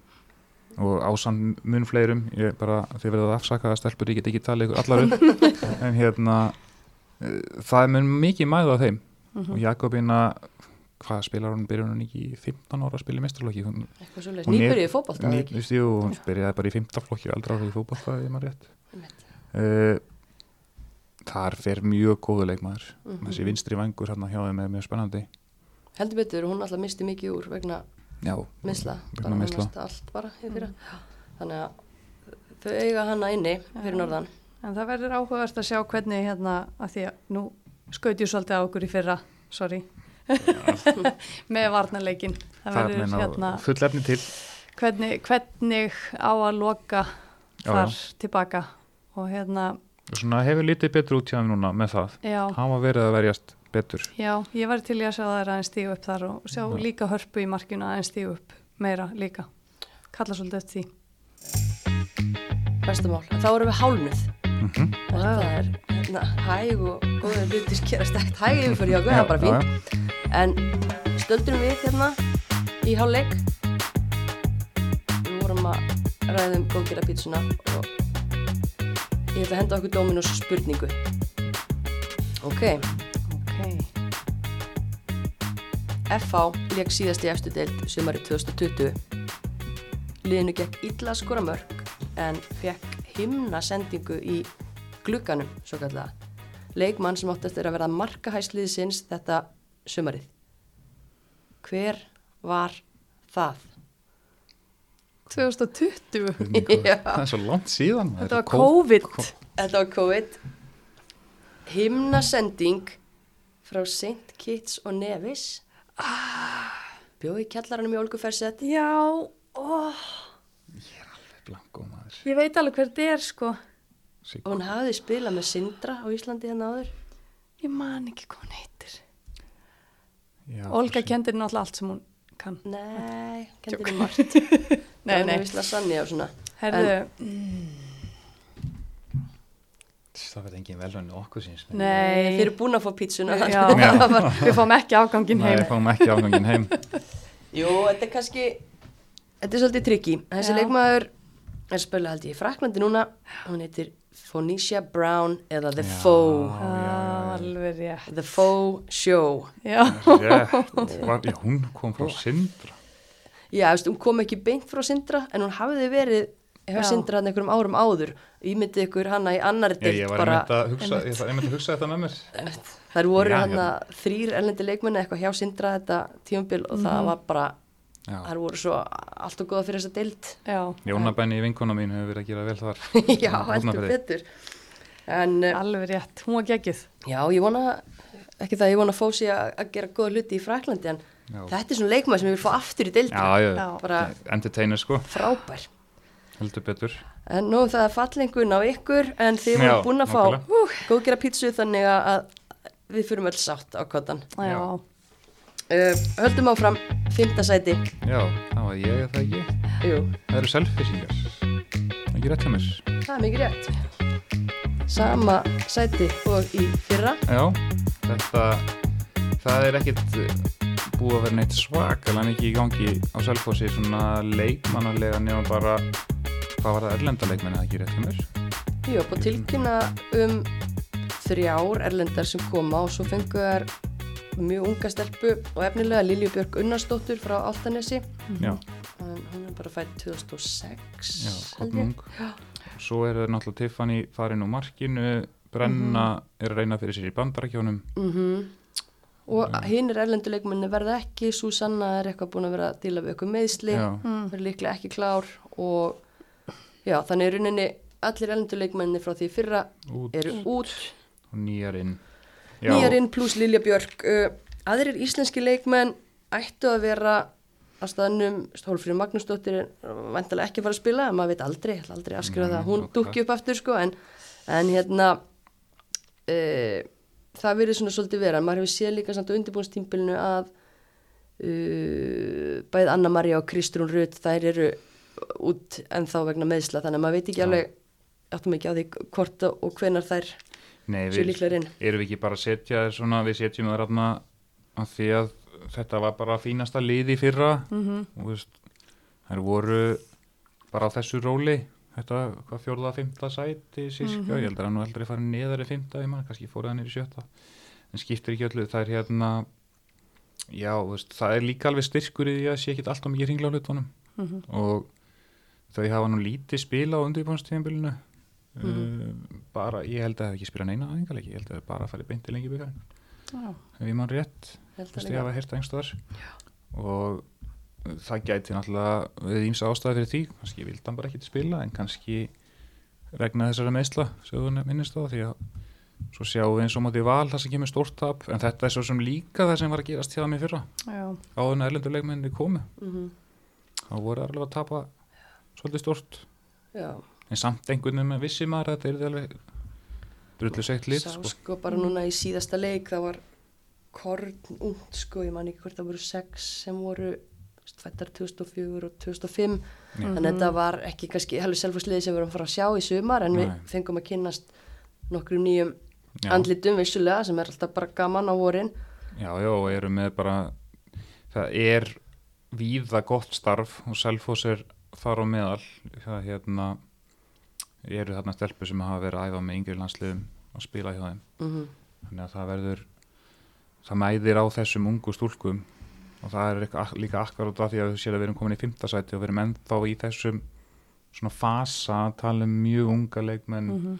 óskriðu blöð í útlendingum og, og það er náttúrulega þá þessi hluti deildarinnar sem að lemdi fyrir neðan það sem eftir er sko Já. við mitt hvar heldið þið að, að svona styrkleikar Selfoss verði þetta sumar eða talaði um, um já, markaskorun og- sem veikleika talaði um það var bara veikleiki á löngum tímum já, í fyrra. Í fyrra. Og þá voru það samt með brennu. já. mm og hann að hérna ég er nú að muna hvað hann heitir sem kom frá Svíða sem Já. að við vorum með í Svíða Míranda Nild. Sem átti nú að vera og, og er góðu leikmaður. Já, já.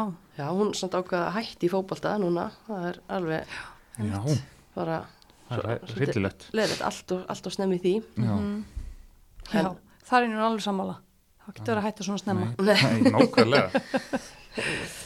En Bara- já, nei, það er hérna, það verður held ég bara, ég hugsa að verður bara sama, þetta er svolítið svona sama tuggan og var þá sko, markaskorun, hausverkur, Já.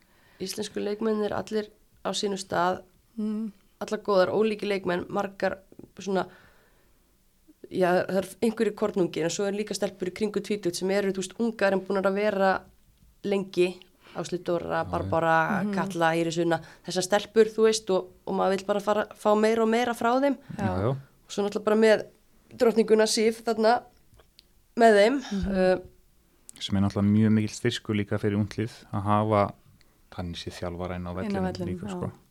algjörlega, en svo kemur það bara eiginlega að því að sko erlenduleikmennir voru það mikilvægir fyrir þær, þá er opbóslega mikilvægt að þessar erlendu Já, séu svona sirka bát að fara að gefa liðinu svipað ef ekki Já. meira. Annars í rauninni höfum við kannski ekki fyrir okkur að vera að setja þær eitthvað ofar. Nei, Nei. minna ef að þessi erlendu leikmenn eru ekki já, sko, ef það eru slakar en það sem fóru þá mun þetta lið náttúrulega freka verið í samkettni við IBVF, Þór Káa og þessi lið heldur nokkuð tíman að fara að blanda sig í efrilutan mhm, því að þarna þegar ofan þetta finnst mér koma smá svona gap í deildina sko. Mhm, Fyrst, þau lið sem eru fyrir ofan töluvert sterkar í svona eins og staðin núna að horfa á það. Já, en uh, það er enn og aftur.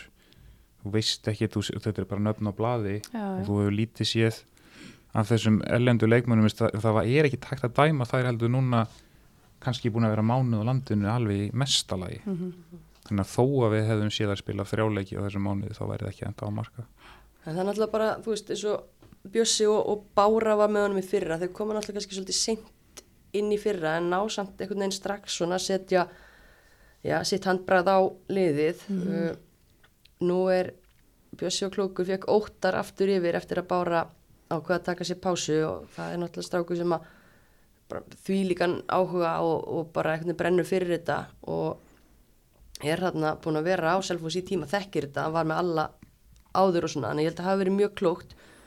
Uh, og þannig náttúrulega og Bjössi búin að vera með þetta lið þá í rauninni miklu meiri tíma, þannig að verðum við ekki að svona bara gera kröfu á það að, að bara framkvæmdin á þeirra leik verði bara komin skrefinu Skrifum lengra. trista ferlinu, Já, ég minna fyrir mér og það er náttúrulega ekkert ekkert endilega eitthvað hlutlust mat sem bara þjálfar almennt þá held ég að sé styrkur í því að þegar þjálfar að fá tíma.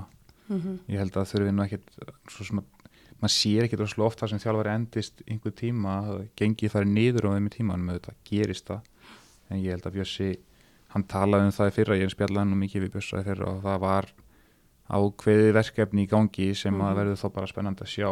Það var með, þú sást ákveðin pattern í hvernig það vildu spila og, og svoleiðis og það ef allar slíkar pælingar gangu upp þá er yfirleitt að ávísuna á eitthvað betra sko. mhm. já, hann var náttúrulega mjög opinn með það í öllum viðtölum í fyrra að þetta væri, það snýrist ekkit bara um tímabilið í fyrra, þetta væri Nei. bara miklu lengri lengra hérna, verkefni heldur en það þannig að og partur af því líka er að, að ég man nú ekki alveg prósentöluna en að, að megnið af leikmunum verði uppaldar, lokal og, og það er já, fullt af efni við þarna að koma upp og við Já. höfum séð eins og bara sáum í valsleik núna um daginn þó að það hefur nú fengið skell þá voru þeir að reyna að djöblast og reyna Já. og reyna og reyna og, og Og bara það- flotti leikmenn já. bara, En það er líka kannski svolítið styrkleikin hjá þar sem þú, þú býst alltaf við frá Selfoss. Þú veist, þú veist þú ert að fá leikmenn með hjarta og það, það er að fara að leggja allt í sölunar fyrir þetta og þú veist eins og með þessar stelpur sem er búin að vera þarna. Maður kannski bara vonar að þær taki þetta upp á næsta, næsta level, í rauninu bara næsta skref. Þú, þú, þú veist það er alltaf að fara að gefa allt í þetta en nú viljum bara fara að fá aðeins meiri gæði ofan á það. Já, algjörlega. Barbara og, og þessi stelpur bara fá aðeins meira svona já, bæta aðeins í þeirra leik sem ég held að Bjössi sér náttúrulega klálega bara að vinna í akkurat, því það er líka bara komnir, þú veist, nýjir kjúlar ef svo er að segja, það eru Já. það ekki lengur nú eru það bara orðnar fullorðnar þessar sem eru í kringum tvítugt og það eru aðrar 15-16 ára sem að þurfa að fá þeirra já, liðsögn við að Algjörlega. halda áfram. Mm en hérna já verðum við ekki að gefa einn bara einhverju solid fimmu á Jú, leikmannamarkanum, þetta er bara einn á skipting pluss einn hérna mjög Já. efnileg. Já, ég held það. Það sé bara svona 5-6 þetta er bara nokkuð, í nokkuð neginn jafnvægi sko. Já. maður er náttúrulega það gæti alveg samt dottinir í fjóra ef útlendingarnir ekki hafa góðar á brenna og mýranda. Já, en bara þetta er eins og með prófin. Þú veist ekki hvað þú fara út í. Nei. Ég sé bara mjög mikið eftir að hafa verið að spyrja um þessa enguna, það er full seint að fara að hætta við að hætta baka út því núna. Um, en hérna höldum áfram, uh, þegar við sátum hérna í, og klórum okkur í hausnum yfir Excel-skjælinu, aður en við yttum á rekk, þá áttum við okkur á því að við sæjum dildinu öll svolítið þrískipta, uh, annars vegar tindastöld F.A. Keflavík sem við sáum kannski sem líklegustu næstu þrjú. Mhm, svo vorum við með Selfoss, Þórká og mhm, er það hinn. síðan var það er hausverkur. Já. Já, alvöru, alvöru hausverkur. Alveru hausverkur. Og kannski að því við erum að nefna áðan að við svona vorum að tala um að þetta yrði nú mögulega en þá jafnara Mhm. heldur en hefur verið áður að þá er gaman einmitt að vera með fjögulið en þetta er ekki, ekki bara tvölið Nei, algjörlega þannig að ég, við vorum öll þar og ekkert okkar spáði sama Nei. meistara Nei, og, er líka öruglega svolítið einstakt sko. og við fengum líka hérna komment frá já, fréttaríturum hérna á skrifstofunar og þeir voru með uh, ennara útgáfu sko. Já. en alltaf þessi fjöglið þannig að það er Já, einhver, ég, ég held að það sé nokkuð umdilt þetta séu þessi fjólið Já, þó að, að kannski verður Bjössi eitthvað brjálæður hann fyrir sunnan Ég held bara vona að helliseiðin lokist á bara. En uh, hvar getum við þá skilið á milli? Við verðum að horfa á leikmannahóp framistöðu, Mm. mm. leikmannamarkað, já, já. Og Og, svo- tilfinningu tilfinningu Já. hefðir bara, já, en við eftir svona hafa aðeins þurft að breyta reikniformúlunni og haldið áfram, þá settum við lið í fjórðasæti, hvaða lið endar þar? Við ætlum að segja þróttur. Já, Já, á sama tíma og hér voru menn fyrir upptöku að tala um að þróttarar getur íslandsmeistarar. Já, það er alveg það er nefnilega það er að skemmtilega við þetta. Algjörlega bjútið við það. Já, Þær eru búin að vera heitar í Reykjavíkumótinu endalösa Já, og lengjubikar. mm. og talandi um styrkleika ég að halda þjálfar lengi hvað er Nick búin að vera lengi með þrótt Er ekki sjötta sjönda? ég held það ekki það var eins og einhver, einhver eilíð allavega sem hann er búin Já. að vera með þær Það er ansið langu tími. Uh, Já. já, þær eru búin að vinna sína leiki í lengjubikar og eiga eftir hennan úslita leiki Reykjavíkumóti. Ég veit nú ekki hvort hann verið nokkuð tíma spilaður. Það er búin meira ruggli með hann Já, og að setja niður dagsetningar og svo að búið að færa hann bara þegar liðin voru í frí eða leikur við landsliðið var úti og Já, leikurinn já, bara- settur allt og nálat landsliðsverkefni, settur á æfinga vill þróttar, langa vittlisa Mhm. og fólk að ekki, bóka völl og eitthvað var ég búin að heyra líka. Já, já, þetta er búið að vera alls konar, alls konar langa bíó. vitleysa. og fólk er ekki kátt með KRR í árfrekarinn í fyrra þegar byggarinn glemtist Já, og minnst eflaust Pétur og, og Nick því að það er alveg nó, það er ekki eins og að sé eitthvað lítið að gera þessa dagana. Nei, nákvæmlega. Hmm, en nóg um það mm það er eiga, eiga þennan úrslitaleg inni hvort sem að verður spilaði hreinlega eða, eða ekki. Af hverju setjum við þær í fjólasæti Það er bara það er svo veist, kannski bæði byggt á síðast á sömri og svo bara það sem maður er svona að horfa á uh, það sem aðeins móti en veist, eins og þú sagði réttilega á hann það er gett alveg leikandi enda ofar Mhm. hafa gert vel á markanum og svo fyrir yfir og eftir Mhm. að mínu mati þó er alveg mist eitthvað líka en, en ég er þarna eitt al, ein alvöru kaup eins og, eins og, eins og sagt er sko Já, Já. og hérna e, bara svona stöðuleiki í þessu liði og öll í Mhm. kringum þetta já, sem ég finnst spennandi að sjá Mm Mér finnst sko, já, bara eins og í fyrir síðasta tímabil þá náttúrulega hafði Katie Cousins dottið út. Og, og, og þá var maður svona að það er verða með veikara lið í fyrra heldur en í eitt fyrra. mhm, Síðan einhvern veginn var það eiginlega ekki raunin því að það komu bara aðrir vinklar í ljós. mhm. Kalla koma upp lögin hérna og og bara Svo var það náttúrulega með þarna Daniel og Murphy. Já, sem bættist þarna við líka fram á við sko. Allt eru þessi karakterir auðvitað en, en bara einhvern veginn fittaði fullkomlega. Gekk mjög vel upp. Og hérna og, og núna náttúrulega er ég eru að tala um risa bita við getum bara, bara farið beint í, í leikmannhópin það eru búin að fá sko Ingunni Haraldsdóttir reynslubólta úr, úr KR Margreti Eddu aðeins minni reynslubólta en líka úr KR mm -hmm. uh, fá Séru Marí Leli frá IH hún leik með þrótti og var mjög góð með þrótti hérna fyrir nokkur árum svo mm -hmm. bara búin að vera eiga börn og, og hérna ekki all in Mhm. Mhm. en hefur verið að spila þessu undirbúnsleiki og hún getur verið bara fínasta viðbútt við, við liðið Ég spilaði með henni síðasta sumar Já. Já. Já. og bara mjög ánægð að sjá hann að vera að komna aftur þarna í efstilt. Já. en síðan er kannski stóra sko að, að ég held að ég eftir að tilkynna um allan eitt leikmann það eru konar með þarna vinstri bakur reiknaði með í McManus Mhm. Nick að segja vinstri bakveri Já. og Katie Cousins sem að þjóðin hérna er búin að býða eftir Já. þeim mikla skemmt í krafti þannig að strax að sjá það hana á komnarblæðinu það einhvern veginn einhver Já, væntingar. Við erum að tala um einhvern sko við talum að þróttalið er vissulega mjög vel skiplátt og þjátt tilbaka en sóknapáir í þessu liði sko með Katie og með Köllu og svo ertu með Ólusikku Mhm. og svo er Freyja líka hérna og þetta það er alvöru páver Já. það verður ekki vesen að skora mörg það er nokkuð ljóst. Og vona á allt nokkuð vel spilandi lið líka. Mm Mér fíla við að það eru líka beinskittar þegar það þarf að vera beinskittar spila með tvo sendir og fara bara inn fyrir þig. Alveg ótt og dít og margtröð að eiga við þetta oft það er bara þannig. Þær hafa um þetta ekkit verið í vandræðu með að skora mörg stundum vantaða en stöðuleika hana tilbaka kannski. Vita ekki. Ingun ætti að hjálpa mikið til við það. Já. verður gaman að sjá hana í svona sterku úrslaliði Já. hefur uh, svona er, hún er nú ekkit fjörgömul þó að þessum stelpum finnist það alltaf að vera gamlar, hún er nú fætt 95 hún vist að engin aldur.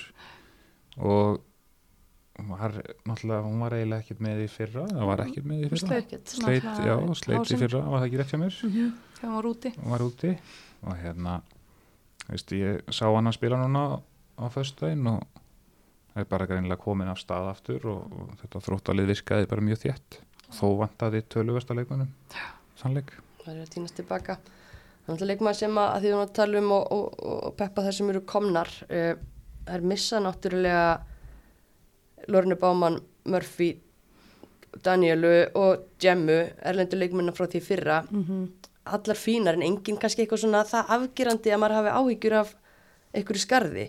Aftur á móti e, er mjög vond að sko, já, Lindalíf fer í Viking en hún var náttúrulega heldur ekkert með í fyrra þannig að við fögnum því bara hún sé komin aftur í, í Algjörlega, og hvort sem hún vil gera það í lengdildinni eða hvað. -hmm. en Andri Raut Bjarnadóttir sem er náttúrulega búin að vera að leggja upp flesta af mörgum þrótta núna síðustu Já. tímbil, hún er farin Já. já, það, Það er var- alveg skarð Já, það var líka svona einn félagskiptin sem komur svona svolítið pínlítið óvart. en, en, en sko ég veit það að, að þróttarar voru náttúrulega eða köttarar svektir með það að sjá Andru Rut fara, kannski þar hún bara á því að halda að fá nýja áskorun, það má bara líka vel vera, hefur alltaf verið í þrótti en þegar að- að Kitty Cousins hérna, sæningið kemur þá, þá létti mannskapnum. Tölverti, hún kann alveg að búa til mörg líka. Já, en spurning sko, hún er alltaf bara búin að taka einhverjar, þú veist, einhverjar nokkra mínútur, hún er bara nýkomin til landsins já, og, já, og síðast þegar hún kom þá hafði hún ekkert verið í fótbolta í eitthvað ár. Núna er hún ekki búin að vera í fótbolta í eitthvað smá tíma þannig já, að ef ekki bara reikna með að hún sé sama gamla góða jú, jú, jú, jú, ég meina ég gat ekki betur séð þegar ég horfði á hann að leika á Já. höstbæn hún tók nú alveg 65, 70 myndu ég man ekki nákvæmlega hvernig hann er skipt út af já, já, svo þeim háleikum út í self já, náður já. er alveg greinilega að komast í stand og hún var alveg að taka til sín í þeim leik og verður náttúrulega komið í toppstand eftir hvað er, þetta er, þetta er 27. apríl sem mótið byrjar Þannig að sex hún verður- vikur verður komin í toppstand þá já, já, ætlum bara að henda okkur ára en við höldum áfram og að því ég veit að þetta var bara pínu random hvaða lið myndi lenda hvar hérna ég sem Já. eftir fjóru sætum Mhm. hvar myndu þið segja getur þróttu farið A fyrir neðan fjórðasæti og B hvar getur þið hæst séð þær enda Ég, mér finnst mjög ólíklegt að segja það neðar. Ég held að segja það. Og ég held að geta unnið. mm. Ég held að bara segja það. Ég held að það sé bara mjög, mjög tæft þarna á milli þessar fjóra liða. Ég held að þau getur öll unnið. En ég held að það sé mjög ólíklegt með þennan hóp sem það eru með og þennan stöðuleika sem er bara einhvern veginn komin í þennan hóp að það er fyrir neðar en fjórða. Mm. Ég er íllasvægt. ég, ég segja það með þér ég, ég tel engan séns að það þurfti- þurfti einhverjar ótrúlegar hamfarir Mhm. ef það er hægt að fara neðar en fjórðasæti ég ég ætla að setja þér efst í annarsæti sé ekki alveg komur í að vinna það en veist, mér finnst það alls ekki galið Mhm. að segja það sko að það getur unnið það. Mm. bara svona mín tilfinning að það séu kannski ekki alveg komur bara því að það eru kannski svona ekki alveg af djúpur leikmannhópur í heldina en þessi fjögur liði eru að mínu mati heldur en öllin. Einhverju svona æpandi veikleikar sem að Nikko Edda þurft að hafa hausverk yfir svona rétt fyrir mót ekkert sem öskrar eitthvað á mig sko ekki tannig, Nei. myndi ekki segja það menn að þetta er bara þetta, jú, jú, þetta eru einhverja breytingar en ekkert eitthvað allt og mikið þetta eru stelpur sem að voru minna með líka sem eru farnar og svo eins og segir bara fínir útlendingar, ekki frábærir og Nick er ekkit við erum búið að tyggja það marg oft að hann kann alveg að velja þessa útlendinga þannig að Mhm. þeir útlendingar sem að verður með verða engu verri og jafnvel betri Já. Þannig að það þú veist, þetta er bara er mjög þjætt lið í alla staði Mm Ef að bæta ykkur við, að halda áfram og sjá hvar hver, sjá hvað veistla býður okkur úf, hver er Já. verið að brjálaðar Já. af gleði eða, eða vombriði, ég veit ekki, maður veit aldrei hvað, hvað fólk vil láta spá sér sko. En við ætlum að fara í þriðasetti Já, var það, ég- var það ég sem að já. kynna það? Það komið að þér. Það er það. Blikas Fyrir sætti Nú er ég feina að segja, segja ég búið fyrir norðan Já. En það er lendið þriðasetti fyrra. Það er lendu vissulega í þriðarsætti fyrra, ekkert, örgulega ekki mikið lánaði með það í Kópói.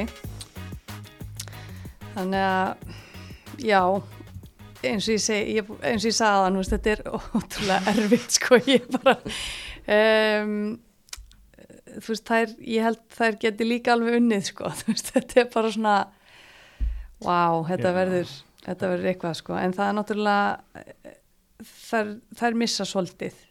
Það er langur listi.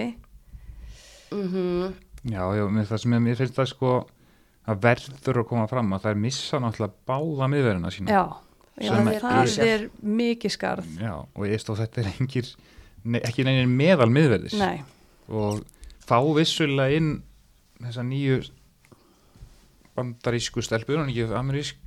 Tony. Tóni mm sem er mjög spennandi en og þetta er alveg 100% góður leikmaður en hún er samt ekki kannski að fara að kofra eftir þeirri báðar þessa sem það mistu -hmm. og svo eins náttúrulega Mikael Nótt sem er mjög, mjög efnilegur hafsend en ég ætla ekki að fara að skera hann, henni þann ólíka. Ég ætla þess að hún sé af góð og Natasja eða Heiðdís strax geti alveg orðið það en það er mjög mjög ósangjant að ætla henni það og svo náttúrulega jú, jú, þær eru uh, eru svona líka búin að missa af öðrum stöðum í erlendu leikmönnum og einhverju slíku en verður hún er hérna Anna Petrik fannst mér líka flottu leikmaður Nýttist þeim mjög vel í fyrra. leik, vel sko Það er ekki áfram. En, en að sama, sama tíma og við erum að, að tala um þetta, þá má eiginlega segja að blikar hafi náð í tvo eftirsóttustu íslensku bitana. Já, já, í Andriu Rudd sem við vorum að ræðum frá þrótti og Katrínu Ásbjörns. Áspjörnsdóttur Mhm. sem er sem betur fyrir ekki eins uh, illa mitt og, og óttast var eftir, eftir leikin á föstudag. Þannig að hún ef allt gengur óskum ætti ekki að missa af miklu. Nei, Mhm. spurning hvernig verður með byrjunin á mótinu? Já, Eh, einmitt. var ekki talað um einhverjar fjóra til sex Fjóra vikur? til sex, já, og það eru sex vikur í mót. Já. Þannig að í öllu falli verður hún aldrei orðin 100% í fyrsta leik. en, en samt sem aður hún er komin og er ótrúlega mikill listyrkur. And, Mhm. Andrea Rudd líka, mjög mikill listyrkur. Já, og eins og ég segi þeir þurftur náttúrulega að gera eitthvað. Þeir, og bara hafa brúðist vel við. Og hafa kannski verið sko þó að það séu þessar miklu sviftingar og langu listi af leikmönnum sem eru farnar og þá munar mest um, um miðverðina sem þau voruð að nefna og hanna hérna Önnu Petrik sem að þú veist, þær spiluðu mest af þessum leikmönnum sem eru farnar. Já, en að samaskapið, þú veist, Telma Ívarsdóttir er orðin heil, hún Já, er að já. koma inn þetta er óveinu lítil blóttaka svona á breðabliksmæli hverjanum með að við síðustu tímpil og undan ef við förum út í það, sko. ekki það að það sé eitthvað eðlilegt við það en ég menna hvað fóru tíu eða eitthvað fyrir síðasta tímpil Já, og Eh, samt og eru við fjóri lykilmenn, sko. Já, já, samt eru við að tala um að það veri brjálaðar að við þriðasætti sko. Þannig að þ- jú, ég bara það, það er allavega svona það sem maður getur bent á að sé ástæðan fyrir að mann setur það ekki í fyrsta annarsætti sko. en ef að það gengur upp að Katrin Áspjúsdóttir verður nýjan sem að þær hafa saknað svo innilega Já. og það ná að, að FIFA eh, eh, þú veist að skapa svona frekar öflugt miðvarðapar þarna með Já, þá, þá geta þær alveg eins lift sér upp í, í toppseti, það er engin spurning mm. miða við feriskrá þá á hún að vera alveg frábær leikmaður sem þær voru að fá núna Já, alveg stólið um nafnið eins og Tony kannski- Presley. Tó- Tony Presley Töff Eh, nafn. hvernig fer ég að ég gleyma þessu nafni glemir ekki það er aftur svona, gleymi því ekki aftur en veist, frábæra feriskrá hún spila undanferðin tíu ári í, í Orlando Pride ef ég maður rétt og búin að spila í fleiri liðum hann já. og bara og er líka bara á, þú veist, fínum hérna miðvarða aldri já, Já. 30, 33 33 ára Örfætt. Ætti í rauninni bara að vera mjög jákvætt að hún hafi aldur inn í þennan hóp. Því að þetta er ekkit þessi breyðablíslið yfir höfuð er ekkit rosalega gömul. Þessi ekki ásta sem að sé helst íslenski leikmaðurinn já þeim? Já, 93 Katrín núna Ásta, Katrín Katrín, 92 já. náttúrulega. Já, Caritas 95 já. Já, já, það er svo sem, jú, jú, það er alveg reynslaðna þegar þú segir það. Taylor, náttúrulega, mér, hérna, stert að hafa hann áfram líka. það er spurning Og hún náttúrulega vera gæti alltaf að spila hafsendin ef út í Já. það er farið, sko. Ekki það að það vanti hafsenda í þessum ungu leikmönnum aðna. nei, nei, nei, nei, það vantar ekki, sko Þú veist, ma- ég- maður myndi svona giska á það að, að það myndi fara þá leið að- nota einhverja af þessum ungu með þessum reynslu bolta. svo er náttúrulega líka um að velta fyrir okkur sko að því að þetta er náttúrulega bara faralegt hvernig maður á að, að ræða þessum liðum niður og þá fórum við að taka inn, þú veist, alls konar vinkla eins og bara veist, með áslöðu mundu menna hún er væntalega að fara aftur í Harvard svo eftir tímabilið. Nú er búið að fjölga leikjum og þú veist eitthvað að reikna þetta saman í naðan Jónsi Já. með bara, þú veist, er hún hlutfastlega að fara að missa þá af fleiri leikjum Já, heldur en ef, að- ef að mótið var ekki lengt og það er, og, og, og þegar þú ert náttúrulega farin í þetta- þessa loka rinu þar sem efstu liðin er að fara að mætast innbyrðis Já, já, þá getur verið ansi dýrkjefta að missa út leikmann eins og Háslu Mundu og, og aðrar háskóla stelpur já, já, Ég er bara að munna náttúrulega helling og það eru held ég fleiri að fara úr þessu leikmannhóp út já. Það verður einmitt mjög áhugavert að sjá hvernig það spilast. af Því þarna þegar við komum í þessu úrslutakefni sem er náttúrulega í fyrsta skipti núna, þetta er akkurat á tímanum þar sem allar þessar sem er í háskólanum er bara farnar. Já, já, algjöru svona klötsleikir Já, sem verða þarna, það eru 15 umferðir held ég búnar annan ágúst þegar að svona myndi ég gíska á að flesta séu að fara því að næsta umferð þar og eftir er 15. Ég veit ekki hvort það kemur inn byggar á milli, það eiginlega líklegt að það kom inn eitthvað svo leðs þannig að ég sé búin að kanna það. Já, e, það eru klálega reyndar fleiri leikir heldur en undanfærin ára en bara spila mótið þéttar. Mhm, en það fjölga leikja um töluvert sem er reyndar mjög jákvætt. En Mhm. hérna en svona já, þetta er allavega hættist það er þetta að fara að mæta bestu liðunum þá aftur mhm, og þá án þessar bandarísku Já. Mögulega, svo veit maður ekki neitt. Svo er það náttúrulega með leikmann sem að verða með allt tímabilnuna sem heitir Agla Mari Albistóttir og er yðurlega toppleikmaður í þessu Íslandsmóti þegar hún já, spilar. Já. Og þú ert með hana öðrum megin og svo ertu komið með Andri Rutt sem er líka svona skapandi leikmaður og svo ertu komið með nýju sem kann að skora mörg. Þannig að þetta getur líka bara verið meistara uppskrift. já, já, algjörlega það, veit? e, það væri rosalega heimskulegt að, segja að það, að það er eitt ekki séns mhm, Já, þannig að eins og að þegar þú spurðir á að menna hámarkið þeirra er náttúrulega bara að vinna mótið Já. þær verða aldrei neðar en held ég þriðasætið sko. Mhm. ég, að ég veit það ekki Nei, nei, nei. maður svo dregur maður alltaf í landum leðið maður er búin að segja eitthvað æ, En Þetta er svo erfitt, Þú eru sko. bara allir aðeins að kúpla sig út og horfa á þetta. Nú erum við bara hérna þrjú og við settum efstu þrjú öll ólík og við settum Já. það ekki þannig að eitthvað okkar væri með sama í öðru seti heldur. Nei. Þetta, þetta gáti, gáti ekki verið Nei, Ólíkara. já, þetta er bara mjög mjög skemmtilega erfitt og bara njótum, njótum þess já, slum vonandi að sé bara rétt þetta árið að þetta sé jafnara jafna jafnara, já. af því að mann er oft rætt á að það er ekki alltaf raunin sko. En svo skulum við halda áfram og þarna er líka áhugaverðir hlutir að gerast annað sætið. það er komað mér, já, já það er valur það er ekki í líðanda Það eru Ó. Íslandsmeistararnir. Tvöfaldi Já. Af hverju?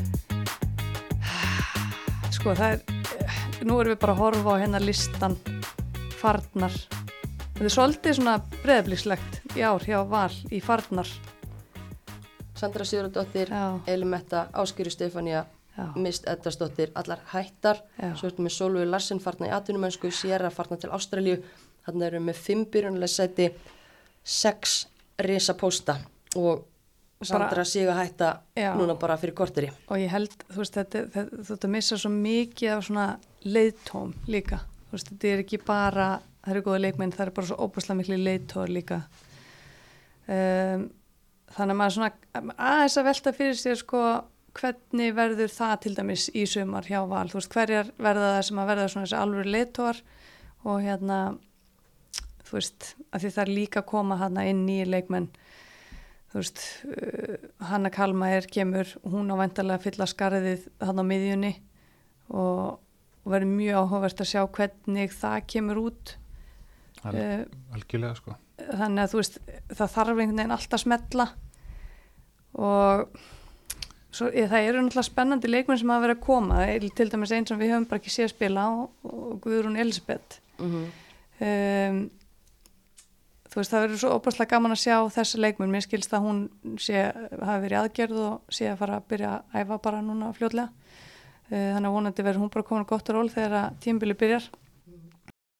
Það hafa náttúrulega ekki verið að gera neitt frábælega núna í þessum leikjum sem við hefur verið að sjá núna og þá kannski það litast, auðvitað litast þetta kannski svolítið að því en vissulega hafa, hafa verið með margar í meðslum Jú, jú. já, já, menna algjörlega en bara svona algjörlega heiðarlega á það litið þá er náttúrulega leikmannahópurinn ekki jafn sterkur og á síðast ári nei. bara svo það sé sagt. Mm Það er bara alveg klart mál. myndi engi ekkert lið á Íslandi þóla það sem að þetta lið búið að missa og náttúrulega árið áður hætti Dóra María. Já, þannig að það hlaut náttúrulega að koma að því að, þetta myndi svona fara að hreyfast aðeins Mm Mhm. Elisa Arnasi verið þarna eftir. Já, Elisa Arna Vinstri séu boltar. Lili Raut að koma aftur úr meðslum sem Já. verður enda mjög stert fyrir þær já, og hérna ég, ég hef nú grunum það að, að þeir séu ekki hættir á hlýðar enda að sækja leikmenn sko en ég að segja alveg eins og er já hvað þannig að ég hafi nokkuð fyrir mér í því en Nei. bara ég hef, jú, ég hef eitt fyrir mér í því að ég þekki metnaðin og hlýðar enda Mhm. Og þau eru að fara í meistaradildina Já, og Já. vonbriði hjá þeim í fyrra að fara ekki lengra þar með að við bara gæði liðs. já. Þannig að, að það hlýtur eiginlega að vera að, að það verði einhver frekari einhverjum gerð. En segja mig líka bara talandi um það, nú hættir Sandra Sigurðardóttir á mjög skringilegum tímapunkti. Mhm. Hættir eftir landslýsverkefni, núna hvað í lok februar að byrju mars, bara fyrir Já. östuttu. Uh, það er rosalega stutt í mót og eins og við gátum um áðan að Aldís Guðlöks er farin hérna fá Í FH. auð, auður farin í Já. auðurskefing og allt í einu er þetta velmannaða markmannalið með Nei, eitt stykki já. reyndar frábæran Já. jafnilegan markmann í, í fanni Ingu Birgisdóttur Já. eftir en það, það er 2005 akkurat er hún að fara inn í þetta ekki bara Íslandsmót heldur meistaradildina sem aðal markverður vals eða sko, getur Pétur fundið annan markmann til þess að að hérna spila þetta betur heldur en fanni miljón dólara spurningin með þess sko þannig er náttúrulega mjög efnilega margmæður en hvort að henni hvort að þið væri verið að gera henni einhverja greiða aðalega með meistarliðina mm þá svona, ég, ég, ég veit það ekki.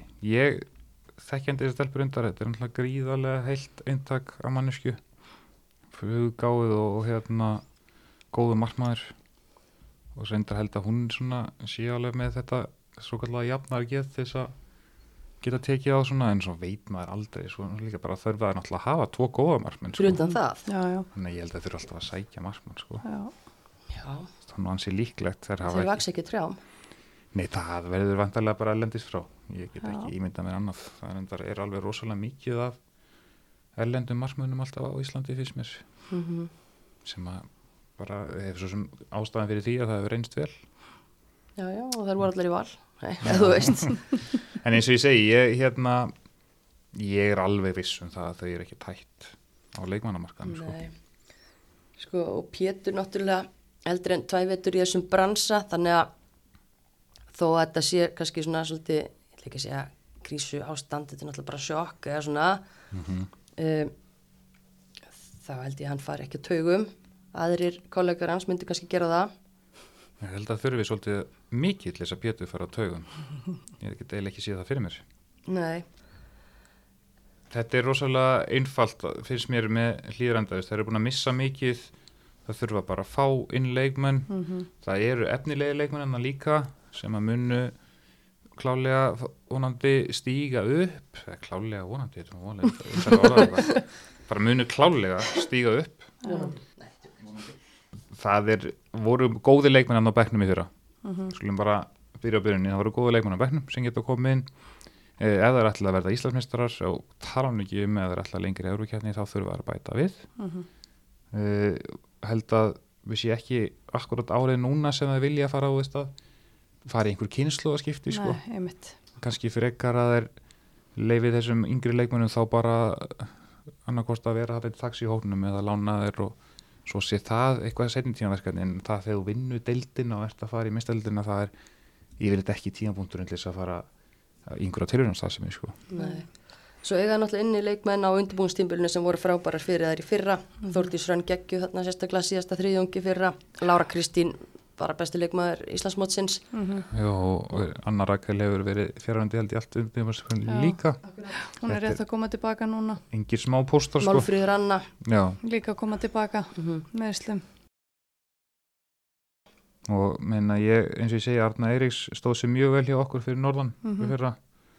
Og getur leist líka að djúpa miðju ekki, Já. bara, veist, ekki bara hafsendin Nei, það er einmitt það svona kannski sem að maður setur mest spurningamerki við, það er miðsvæðið.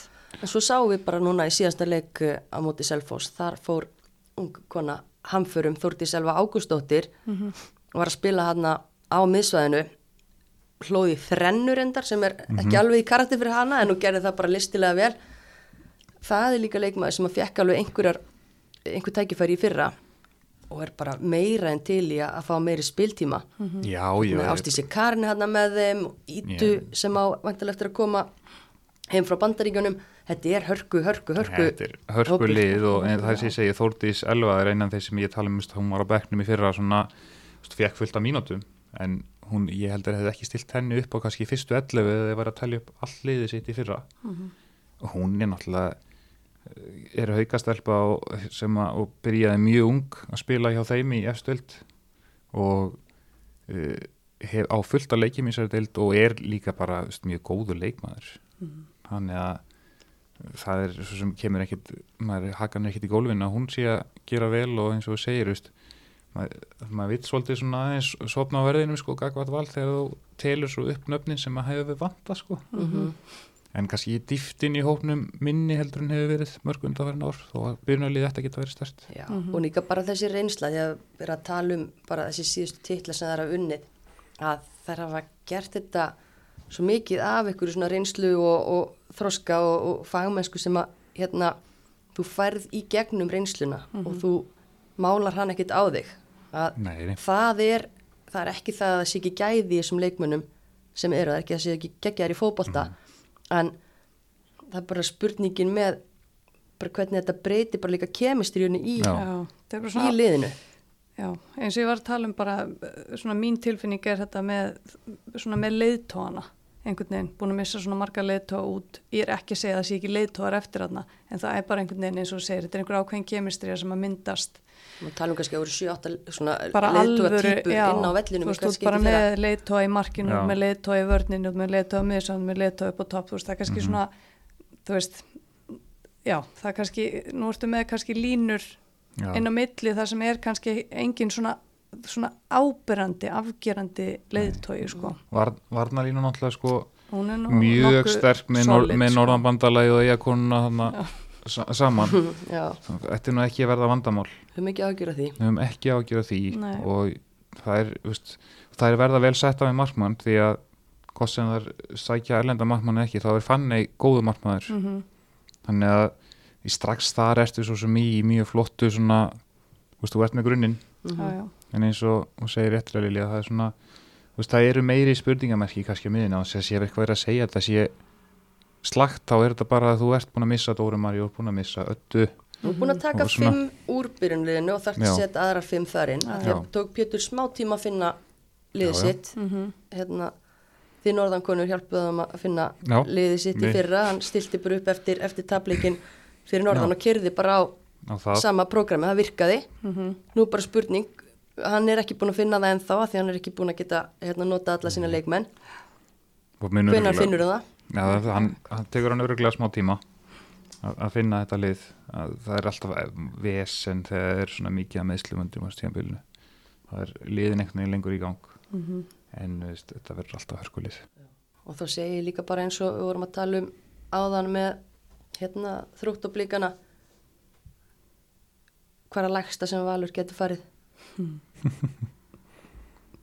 á ég, á ég að segja það núna? Já, nú er komið hort á mig þér. hérna. Já, já, nú tekur þú. Nei, þetta er bara 1-3 er það ekki? Jú, Og allt myndi koma okkur jafnlítið á vart já. já, ég veist, get alveg náttúrulega bara unnið þetta og það er náttúrulega bara eh, mjög lít það, það var ekki eiginlega galið fyrir mér að setja þær niður en það sko. Mhm. Já, það er ekkert að vera að gerast. Ekki að fara að gera sko.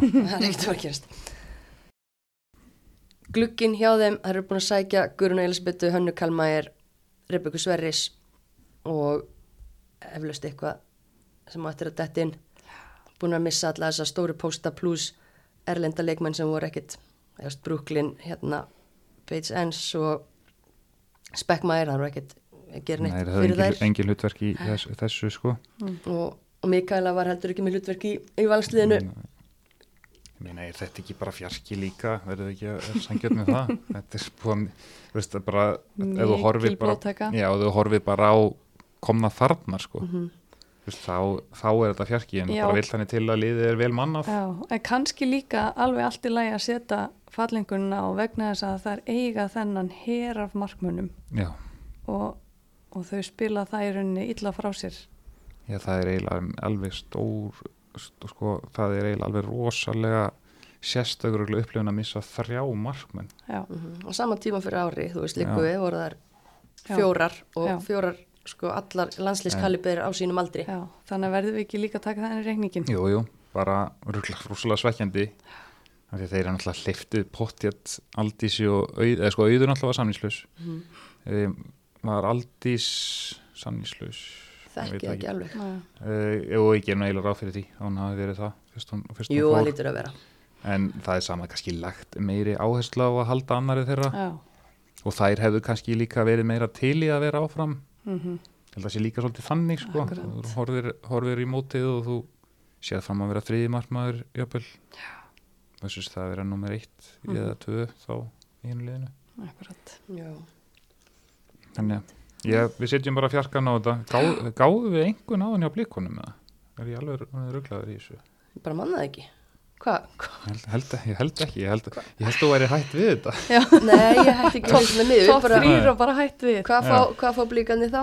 Ná, náðu í, já, Andru, Katrínu Tony Presley og Mikael Nó Já, ég ætla bara veist, Jésús, við hefðum átt að sleppa þessu því þetta er ennin bara Já, fimm ég- einmitt. þú missir þarna þessa hafsenda og farið inn þessa sterkur leik með fram á því sko. Þannig að kannski klippi ég þetta út ég efast bara um færið það. í fleiri mörg og verður að skora meir í staðinn. Stór skemmtild fyrir það að klippa þetta allt saman út. Glemdi, fólk verður bara að hlusta. Já, Fimm, þetta er bara svoleiðis, það er engin að fá er einhver að fá meira en sex og engin minni fjóra? Já, við vorum svolítið gjafmild þarna í byrjun sko, Já. Já, Maður ætla að vinna með hvað þetta var heimsklu spurning. Já. En, já, já, já, já, höldum bara áfram. Þetta, var, þetta er þér að kenna, ekki okkur. Ég tek þetta 100% á mig. Um, Já, það er gríðarlega óvænt núna Já. er að segja. haldið að fólk sé gott að segja já, Þau sem að setja þetta upp í Excel eru kannski búin að átta sig á því Sennilega. hvaða liði vantar. Já. Það er Garðabæri sem að Bam, bam. mættir í, í fyrsta skipti í Íslandsmestartitil síðan hvað, 2004 Svona að reyna að rifja þetta upp. About, ég? Mhm. man ekki neitt sko. 13, 14, eitthvað svo leiðis Mm. eitthvað or take. Taka, taka annarsætið í fyrra. Já, já, uh, þetta lið bara ef ég gríp boltan með þær þá bara hérna við spilum náttúrulega við þar í fyrra eins og allan lið og það sem ég svona hef finnst skemmtileg stjörnuliðið er þetta er náttúrulega svo ofbóðslega vel skipulagt og rútinirað og þetta mér er svona leikmannalistin hjá þeim bara líta vel út. Það er meiri breytti í þessu heldur en oft áður. Mhm. og gríðallegu liðstyrkur sem þeir eru að fá fyrir móti sem við kannski minnast á betur og eftir. Mm en jafnframt jafnvægi veist, það er ekkit allt og mikið breytingum. Það er bara Mhm. komin góði leikmenn og fáir góði leikmenn að fara. Mhm. bætast ón á lið sem var í öðru seti lið sem að stríti og rúmlega það Rísonum tveimur Val og Mhm. Breiðaflik þannig að ég, ég hef bara þetta er þú veist, jú, við getum talað um 1, 2, 3, 4 þú veist, þetta, getur, þetta er lið sem geti samt orðið í fyrsta og geti svo orðið í fjórða sko. Skilur, þetta er alveg þannig. Já, það er svona bara því að hinn tvö hafa kannski í, þessa, í setni tíð meiri sigurhef mm og eins og við erum búin að ræða réttilega þá telur það mikið já, algjörlega og eins og við komum inn á Valur búin að missa mest af þessum toppliðum. Blikarnir búin að missa í ákunnum leikstöðum og, og vantaði stöðuleika í fyrra. Er hann fundið núna, við vitum það ekki. Stjörnukonur, jú, viss, missa vissulega frábæra Katrínu Áspjösdóttur en Kristján nær svona bæta fyrir það með þessum svaka hérna, leikmennum sem hann fær. Þú veist ekki í sömu leikstöður og, og Katrín en þungavikta leikmenn í þetta lið. Þannig að leikmanna hópur stjörnunar er ekki veikari í ár heldur en í fyrra þrátt fyrir að það er missi þannig að mikla markaskorra sem Katrín er. Mhm, það er mjög stert fá þarna inn náttúrulega Gunnhild Issu fá erinn í markið. Andrea Eh, mist. Andrea mist og náttúrulega auður skefing sem hann náttúrulega var öruglega hugsuð sem aðal markmaður já, uh, fyrst. Þannig að það er komin líka breytt þar og sagan segir að hérna, það komi þarna framherri á mótið byrjar. Já, og eru samt með hana Snædísi Maríu sem er líka efnilegu framherri Mhm. og vonandi fær mínútur hjá þeim. Þannig að ég sé ekki annað, veist, annað en að þetta lið sláist af alvöru krafti og ég held að það hljóti bara að vera markmiðið já, að vinna þetta mót í ár það hlýtur að vera og, og ekki bara fyrir stjörnuna heldur öll þessi lið sem við erum að tælja upp núna í toppjörum nú er tækifæri mm eins og við töluðum það í fyrra. Það var tækifæri á meistaradelda sæti. Við vissum að þróttarinnir og stjörnukonur voru að horfa á það. Og stjörnukonur tóku þetta annað sæti já, já, að því að það var tækifæri. Ég myndi segja bullandi tækifæri á Íslandsmeistara titli klárt. Ég, það er ekkit á hverju ári sem að eins og Valur er að missa svona mikið. Akkurat, og blikarnir svona örgulega aðeins særðir eftir miðstöðuna í fyrra. Mhm, mm, eru samt alveg veist, ég veit ekki hvað maður að segja veist, jú, jú, búin að, búin að, og bara gegnum síðust ára eins og fórstur eftir lifra hann búin að missa mikið.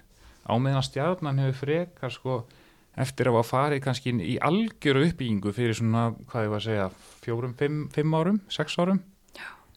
og eru bara svona svolítið að fara að njóta ávastana því mhm, núna akkurat. Það virðist vera að allan að dauða færi fyrir þær og það er ekki verið að, að sækja landslískonuna Gunnildi Yrsu til þess að vera ekki að fara að stefna um Íslandsmeistaratitil. Akkurat, Nei, minna, hún lítur að veist, það lítur að vera hugmyndin þegar og ég líka bara hjá henni. Já. hún kemur heim ætla að koma heim og vinna þetta mót með mínu liði. Með sínu uppeldisliði. Já, þannig að og, og það er, ég sé ekki veikan, blett á þessu liði ef ég að segja eins og Nei, ég, hérna það var alltaf ótrúlega gaman að fylgjast með Katrínu og, og Jasmín Erlu í fyrra. Það náðu svo ótrúlega vel saman.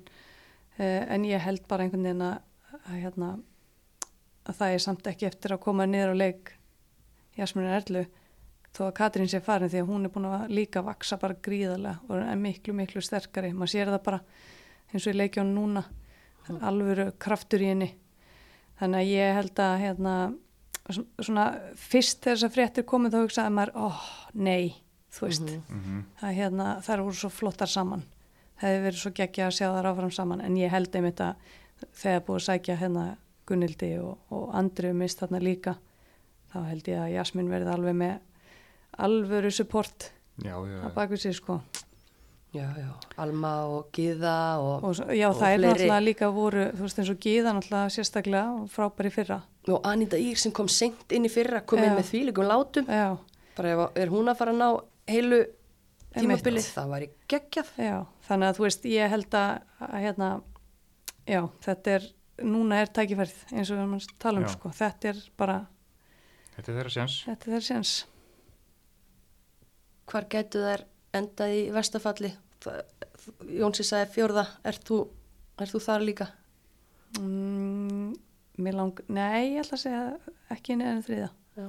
minnst þar ekki bara já, nei Þú segir það. Og þær eru búin að vera flottar undirbúnstímbilinu, eru búin að vinna þrjá sigra, gera jafntefli við breyðabliki í þessum leik á föstu daginn. mm bara jöfnum leik Já, nokkuð jöfnum leik, bara hörk svona, þá meina ég miklum baráttuleik. Ég ætlast nú til þess af þessum liðum að það síni, síni, síni sko töluvert meiri gæði heldur en það var sínt í, í setni áleik já, það er svona svolítið bortennismóti í gangi hérna já, já, illa færi með færi Já. og bara svona en, en undirbúinistímbilsleikur einhvern veginn svolítið. Já já bara og, menn kannski eitthvað að halda sér einhverjum já spilum. já og hérna eins má náttúrulega ekki vökva í miðgarði þannig að það er náttúrulega vöndi að, að yfirborðið sé blöytt og það var lítið flæð á boltanum Mm. svona merkild eftir að maður fór að sjá eftir að var að vera að fara að vökva allar velli hvað þetta við skipta ótrúlega máli Já. því maður þessu var ekkert spáð í þessu fyrir svona fimm árum sko. Nei, en þetta munar öllu sko. Já. en bara það var allavega gaf þessi sömu fyrir heit að það er nánast þau enda jöfn og hann hefði getað dottið hvora með sem var Mm. sáleikur Og kannski bara eins og verður í sumar. Þetta verður jafnt og getur enda á Hvernig átti sem er. En við erum samt að spá stjörnunni Íslandsmeistartitli því ætla að gefa glugganum þeirra hinga til engun. Þið talum um að, að það sé vona á mögulega sender. Eirún Vala Harðardóttir, við vorum ekki búin að nefna hana efnilegu leikmaður sem kemur yfir frá breyðablík. Mhm. Kristján hrifun að henni og farnar sjanti markverður er hægt en Kristján búin að taka tvær í staðinn og, og, hérna, og Katrín og, og Hildikunur eins og við nefndum áðan Mhm. Og Rakel Lóa farin aftur í, í gróttu Mhm. og hérna, já, Alexa Körton í fram. Þannig að í rauninni bara einn, ja, hvað maður að segja, byrjunarlis maður, jú, sjanti vissulega byrjunarlis manneski áður en hún meittist Mhm. ég held að það sé búið að, að leysa það nokkuð vel með tveimur háklassa markvunum já, Við menn- hljótu nú að henda eins herri einhvern og það er hérna með, með Gunnildi og ég er inn í langar sko, ég hefði ég hefði sko jafnvel farið í tíu ef ég var ekki að horfa Katrín Já, að hefði farið, sko. já. ég held að setja þetta bara í svona áttuna. Já, ég held að ég sé bara sirka þar. Sammála því. Og þá loksins gerist eitthvað spennandi í þessari hérna, einhverna gjöf það við Já. erum allan með, með þá ótvíraðan sigurvegara já, leikmannaglugans já, og deildarinnar þegar það eru sex vikur í mót. Já, það, þetta fer saman hljóð og mynd hjá okkur þessu sem er ágætt. Það er endur engin mynd en það er sama. Það er ágætt þessi ekki mynd. Nei, það er mjög fínt bara. Já. þannig við erum bara þarna efstu já, þrjú fjúti fjú mm svo við rýmum mikil spenna framundan.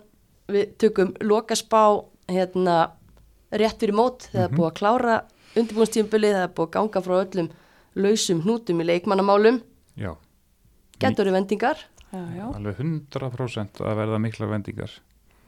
Og svo bara vonandi að gæðin í mótinu verði góð. Við Mhm. þurfum á því að halda. Já, við þurfum að það þurf, við þurfum á því að halda að okkar liðið Európa-keppni gerir vel.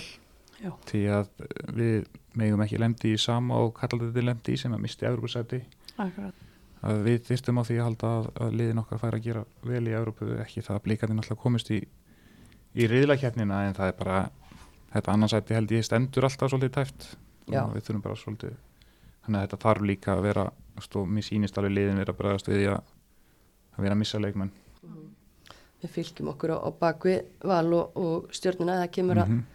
Evrópunni. Mm en þetta var allavega ótímanbær spá fyrir bestu dildina 2023 búið að vera hrikalega gaman að sitja hérna og kjafta við ykkur yfir ljúfengri Dominos pítsu. Já, og hérna nú þurfum við að fara heima að hlaða okkur því að það er að líða, líða bara að, að nóttu hér. Þannig að beint í, í hlæðslu heima hlæðslu stöðina bara takk hérlega fyrir að koma. Takk fyrir mig. Takk fyrir mig. og takk fyrir að hlusta